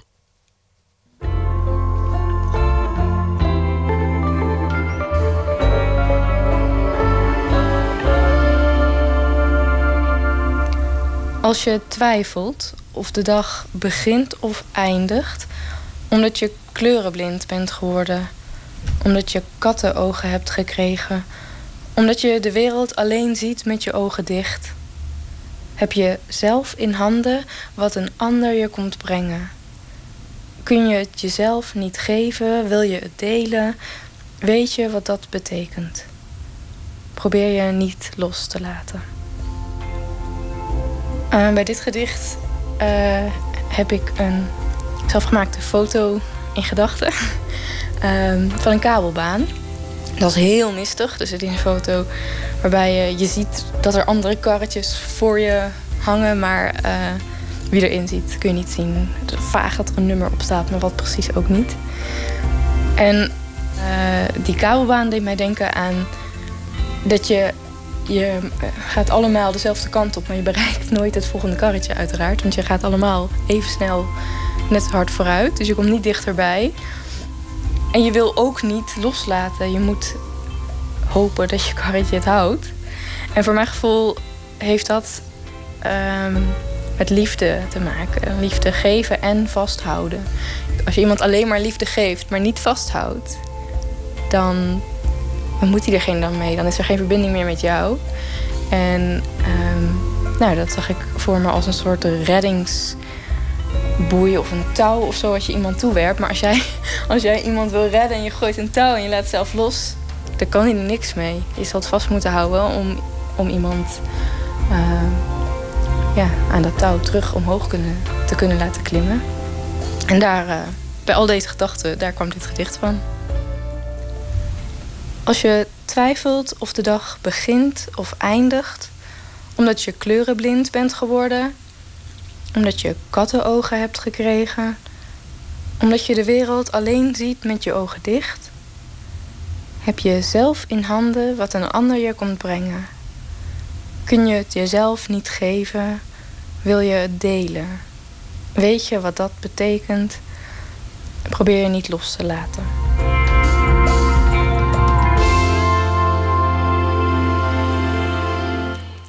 Dat was uh, dichter Vicky Franke en hier is uh, Howlin' Wolf met Smokestack Lightning.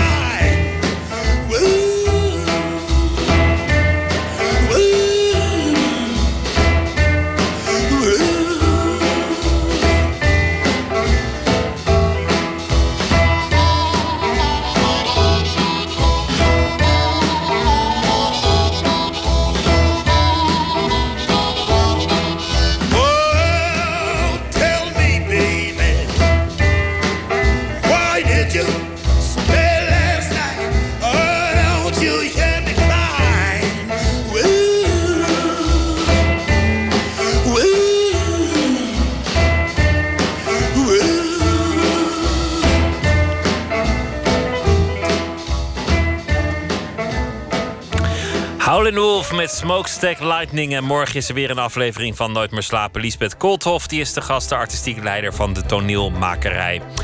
Dat allemaal morgen nu een hele goede nacht. En uh, graag weer tot morgen.